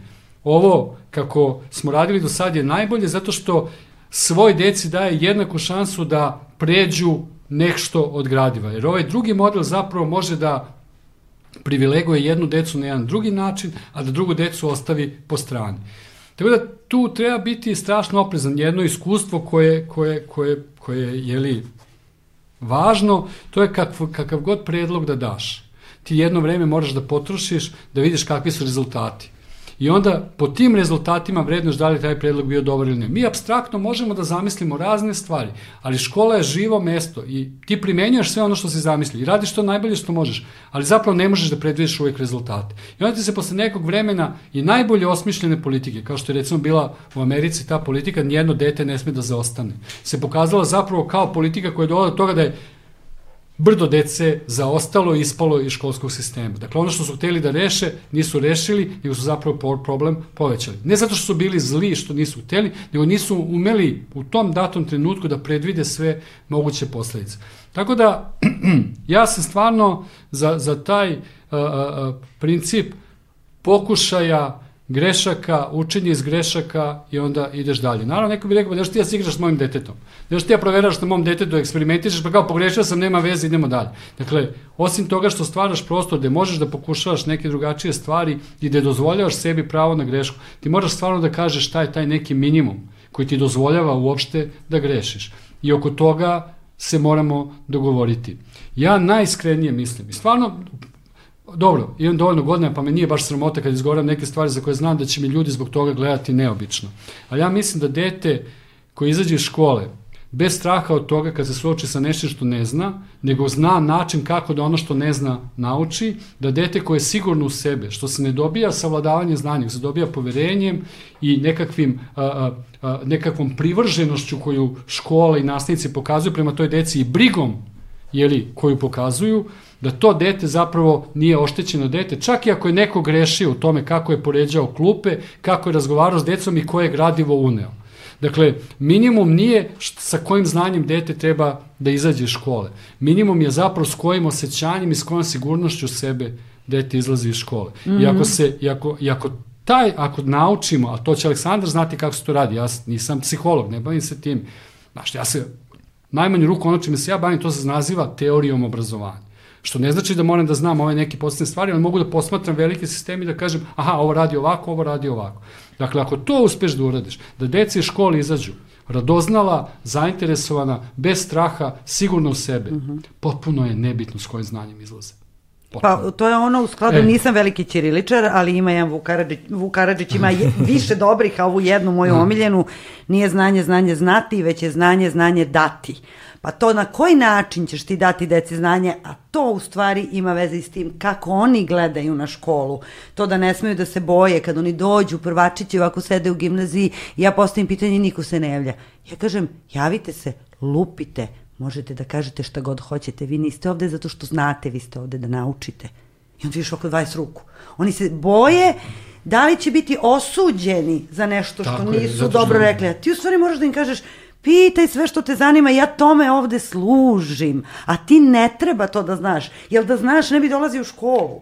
Mislim, to je prosto, kriterijumi su poremećeni, to ti je onaj fazon, ja sam, Bog zna za pet, ja znam za četiri. Znaš što su ti neke varijante? Ti danas imaš tih likova, razumeš, koji rade po školama, koji ne mogu da se oslobode tog svog manira, ali mnogo se to promenilo. Svi se Naše- sećamo kakva su kažnjavanja bila učiteljice šamara. Ali naše, naše škole i dalje rade po tom principu kazni. Jest, jest. I to je, kako bih rekao, to je, zato se kod nas apsolutno svi boje da pogreše. Od dece pa do samih nastavnika. Da li su nam ocene onda Da. potrebne u osnovnoj školi? Znaš šta, to je, tu, tu, sa, evo, ako smo Da. se, a, a, a slažemo se praktično oko svega, oko čega smo, o čemu smo ovde razgovarali, ako uđemo priču o ocenama, pretpostavljam da bismo mogli da uđemo i nekakve ono neslaganja, zato što ja recimo mislim da bi mogla škola se zamisli bez ocena. Ali kad bi me sad neko ozbiljan pitao, pogotovo nastavnici Ne, koji ja rade se školama, slažem, ali bih voljela da je ocenjivanje eksterno, da ne moram ja da ga obavljam. ja bih E, ali, recimo ali to je stvarno jedna jako, jako komplikovana, Nova tema, da, komplikovana da, da. priča i sve. A gde nam je škola kao Pa, politička E, kategorija? ali, ali, ali, ali, ali teo sam nešto drugo da kažem. Znači, ja kad kažem da imaš pravo da pogrešiš, da, da, da, da, da je važno da izađeš siguran u sebe, da je važno da se ne bojiš kad ne znaš, da je važno da znaš da sve što s čim se suočiš možeš da savladaš, jer te škola za to opremila. A nije ti dala neki set, skup znanja, pa ćeš ti sad da sve rešaš. Ne, nego kad najčešće nešto ne znaš, ti znaš kako da tome pristupiš da bi to rešio. To, je, to, to nisu iste stvari. Dakle, sad kad bi mi neko pitao, pa čekaj malo, a šta je to, o čemu ti zapravo pričaš? I da li mi takav model uopšte možemo da zamislimo? A mi to radimo svakodnevno i što je najvažnije, mi to radimo sa decom. Mi se sa decom igramo. I škola bi trebalo da bude igra. I onoliko koliko te igra optereće, otprilike bi toliko trebalo i škola da optereće. Ti kažeš da se deca igraju. Neko misli, pa da, to je sad kao nešto neobavezno. No šta, ja kad se igram, ja se igram vrlo ozbiljno.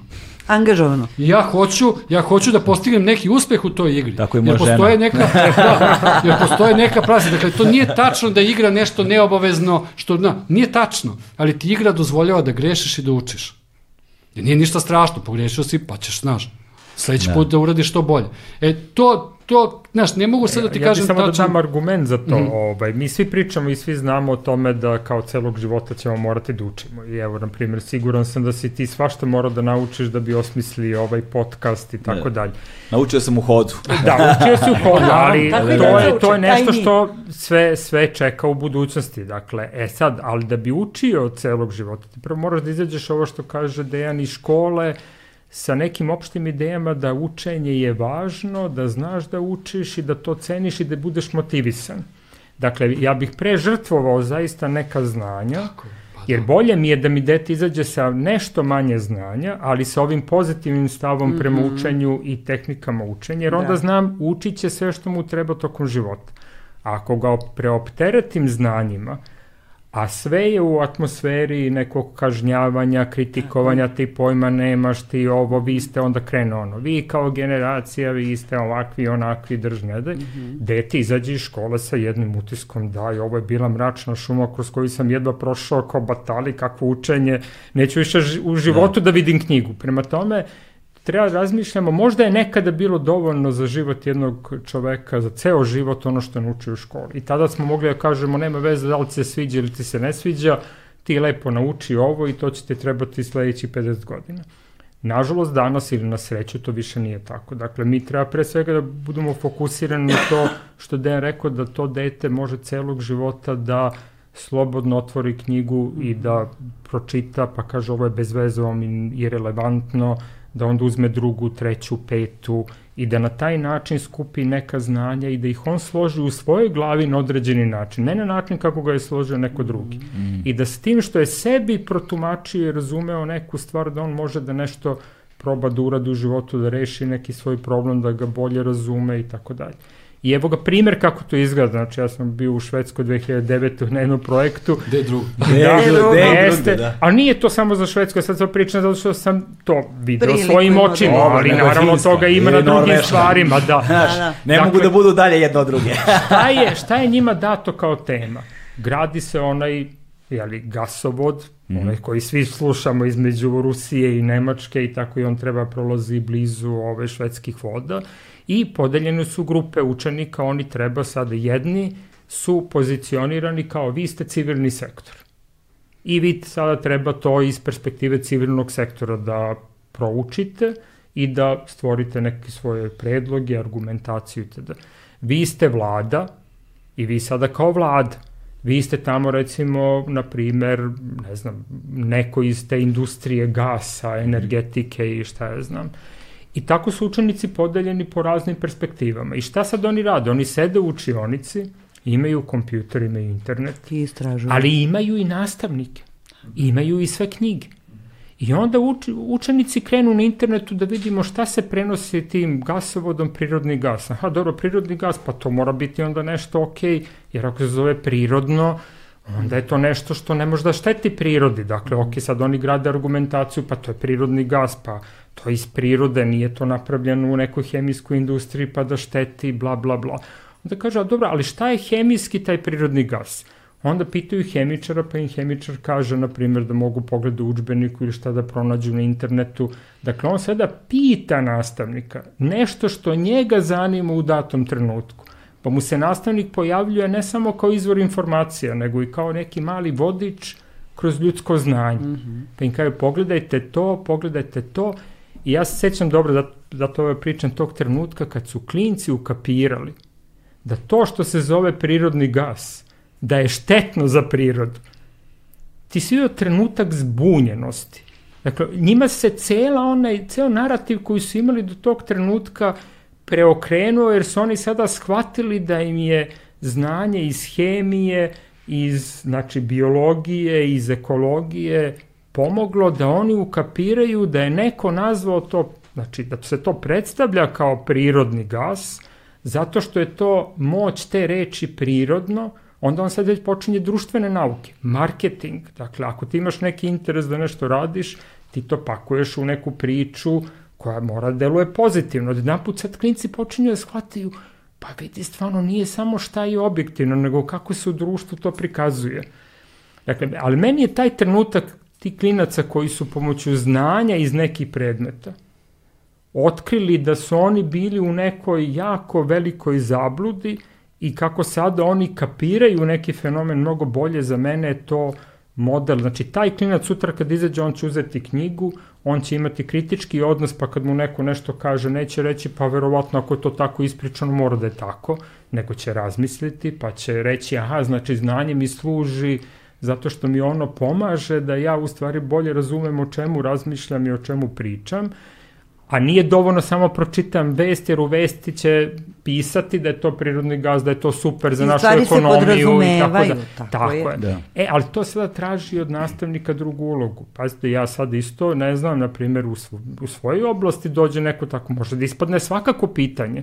Ali ti ne moraš da znaš odgovore na sva pitanja. Ti treba u stvari kao stručnjak u oblasti da znaš gde to može da se pronaći. Pravo. Pa kad tebe učenik vidi da ni ti ne moraš sve da znaš, ali da znaš gde možeš to da vidiš, onda učenik preko tebe vidi da obrazovane osobe ne znači da on drži sve u glavi. Tako je. Nego da taj neko isto može tako da pronađe, da pročita pa kaže, a ne, ne, ne, ovo nije bitno, uzet ću nešto mm -hmm. drugo E, i to onda vi kad tako zamislite obrazovanje, onda možete vrlo lako da zamislite da dete dođe u tu školu, iako je kod kuće igralo Minecraft i sve ostalo, a da mu to bude zanimljivo, mm -hmm. jer to ima onu bazičnu strukturu zanimljivog iskustva, a to je mm -hmm. plot zaplet, to je opet narativ. Zašto je narativ angažovan? Zato što imaš neki zaplet mm -hmm pa nešto se komplikuje, pa ti ne znaš hoćeš uspeti ili nećeš, pa na kraju uspeš ili ne uspeš, kad ne uspeš to je greška, pa razmišljaš šta mogu sledeće epizodi bolje da uradim, ako uspeš ti si heroj u svom malom životu. Ja, I ostaviš cliffhangere za sledeću epizodu. Ali ima, ima, ima, ima jedna stvar, ti si rekao kao nismo dovoljno pričali o ovoj situaciji trenutno i sve, ali ovo što je Aleksandar ispričao, apsolutno ima Primenju. veze sa ovom sadašnjom situacijom. Vrlo je jednostavno. Na čemu počiva otpor prema vakcinaciji. A vakcinacija je na osnovu svih raspoloživih podataka u ovom trenutku najefikasnije sredstvo. Ne samo da se rešimo zaraze unutar cele zajednice, nego i da škole počnu da rade normalno. Jedan od velikih otpora prema vakcinaciji dolazi upravo iz škola, nastavnici neće da se vakcinišu i iz redova lekara. Lekari neće da se vakcinišu. To je potpuno fantastična situacija. Ali sad, šta se događa?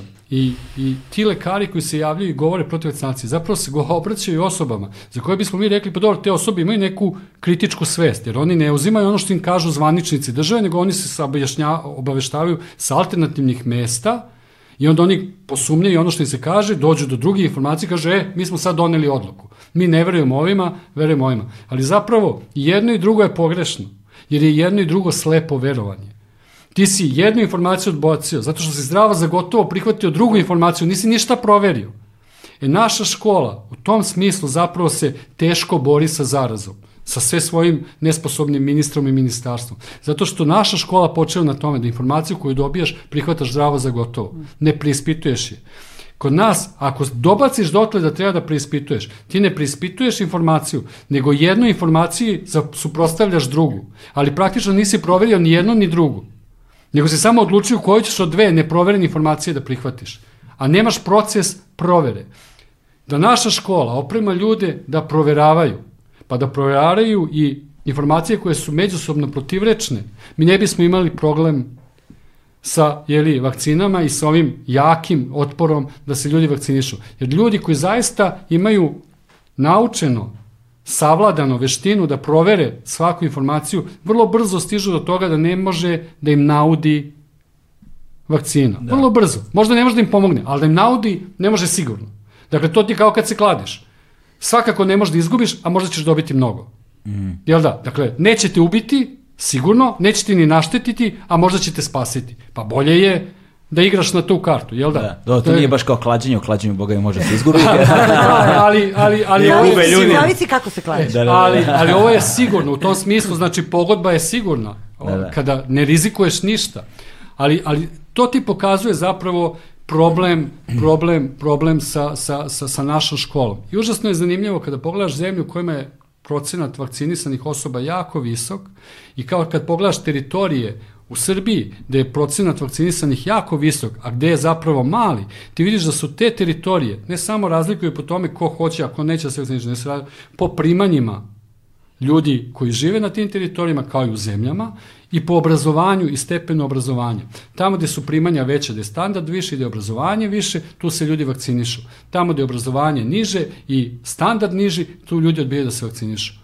Jako je zanimljivo. Mislim da su zaključci vrlo jednostavni i jasni, ali zapravo te škole ne opremaju da razmišljaš na takav način. Naša škola, bez obzira na to što ima izuzetaka, naša škola počeva na tome da ono što ti daje moraš da prihvatiš zdravo za gotovo.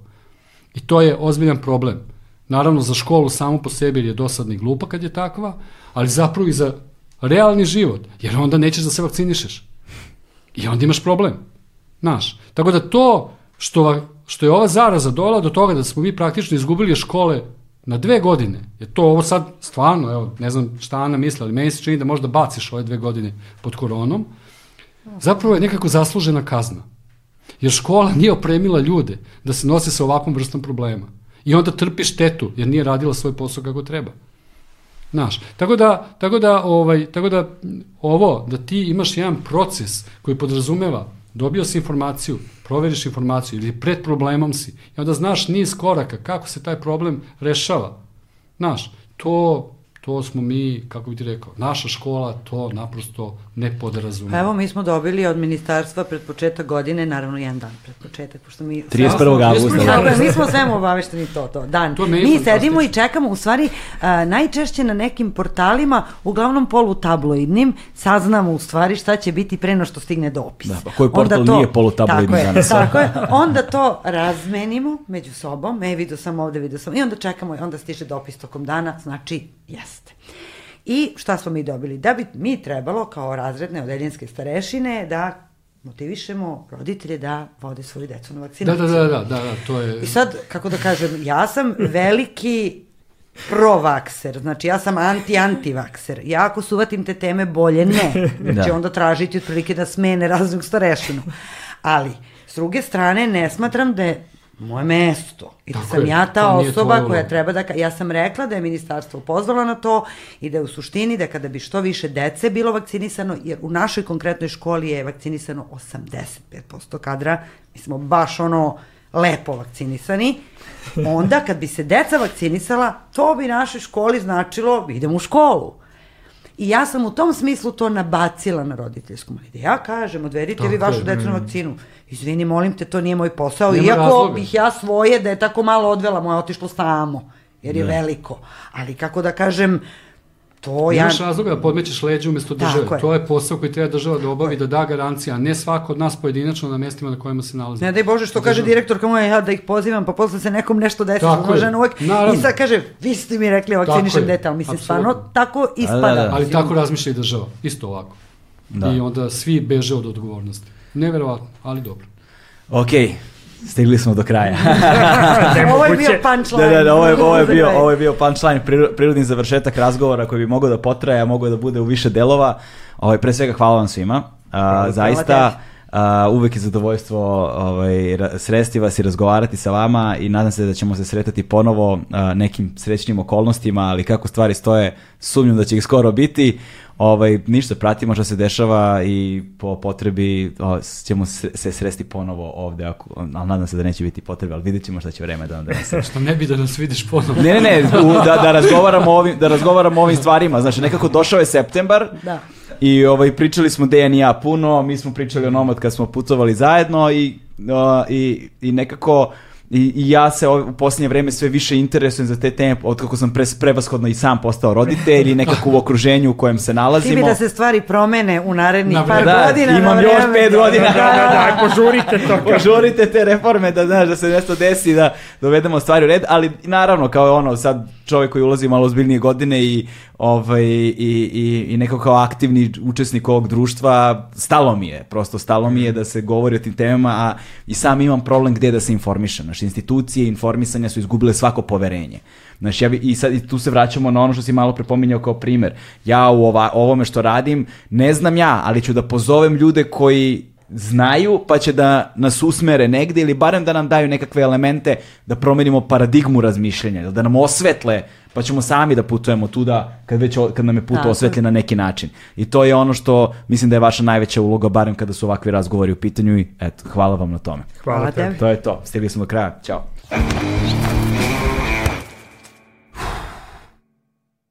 Hmm.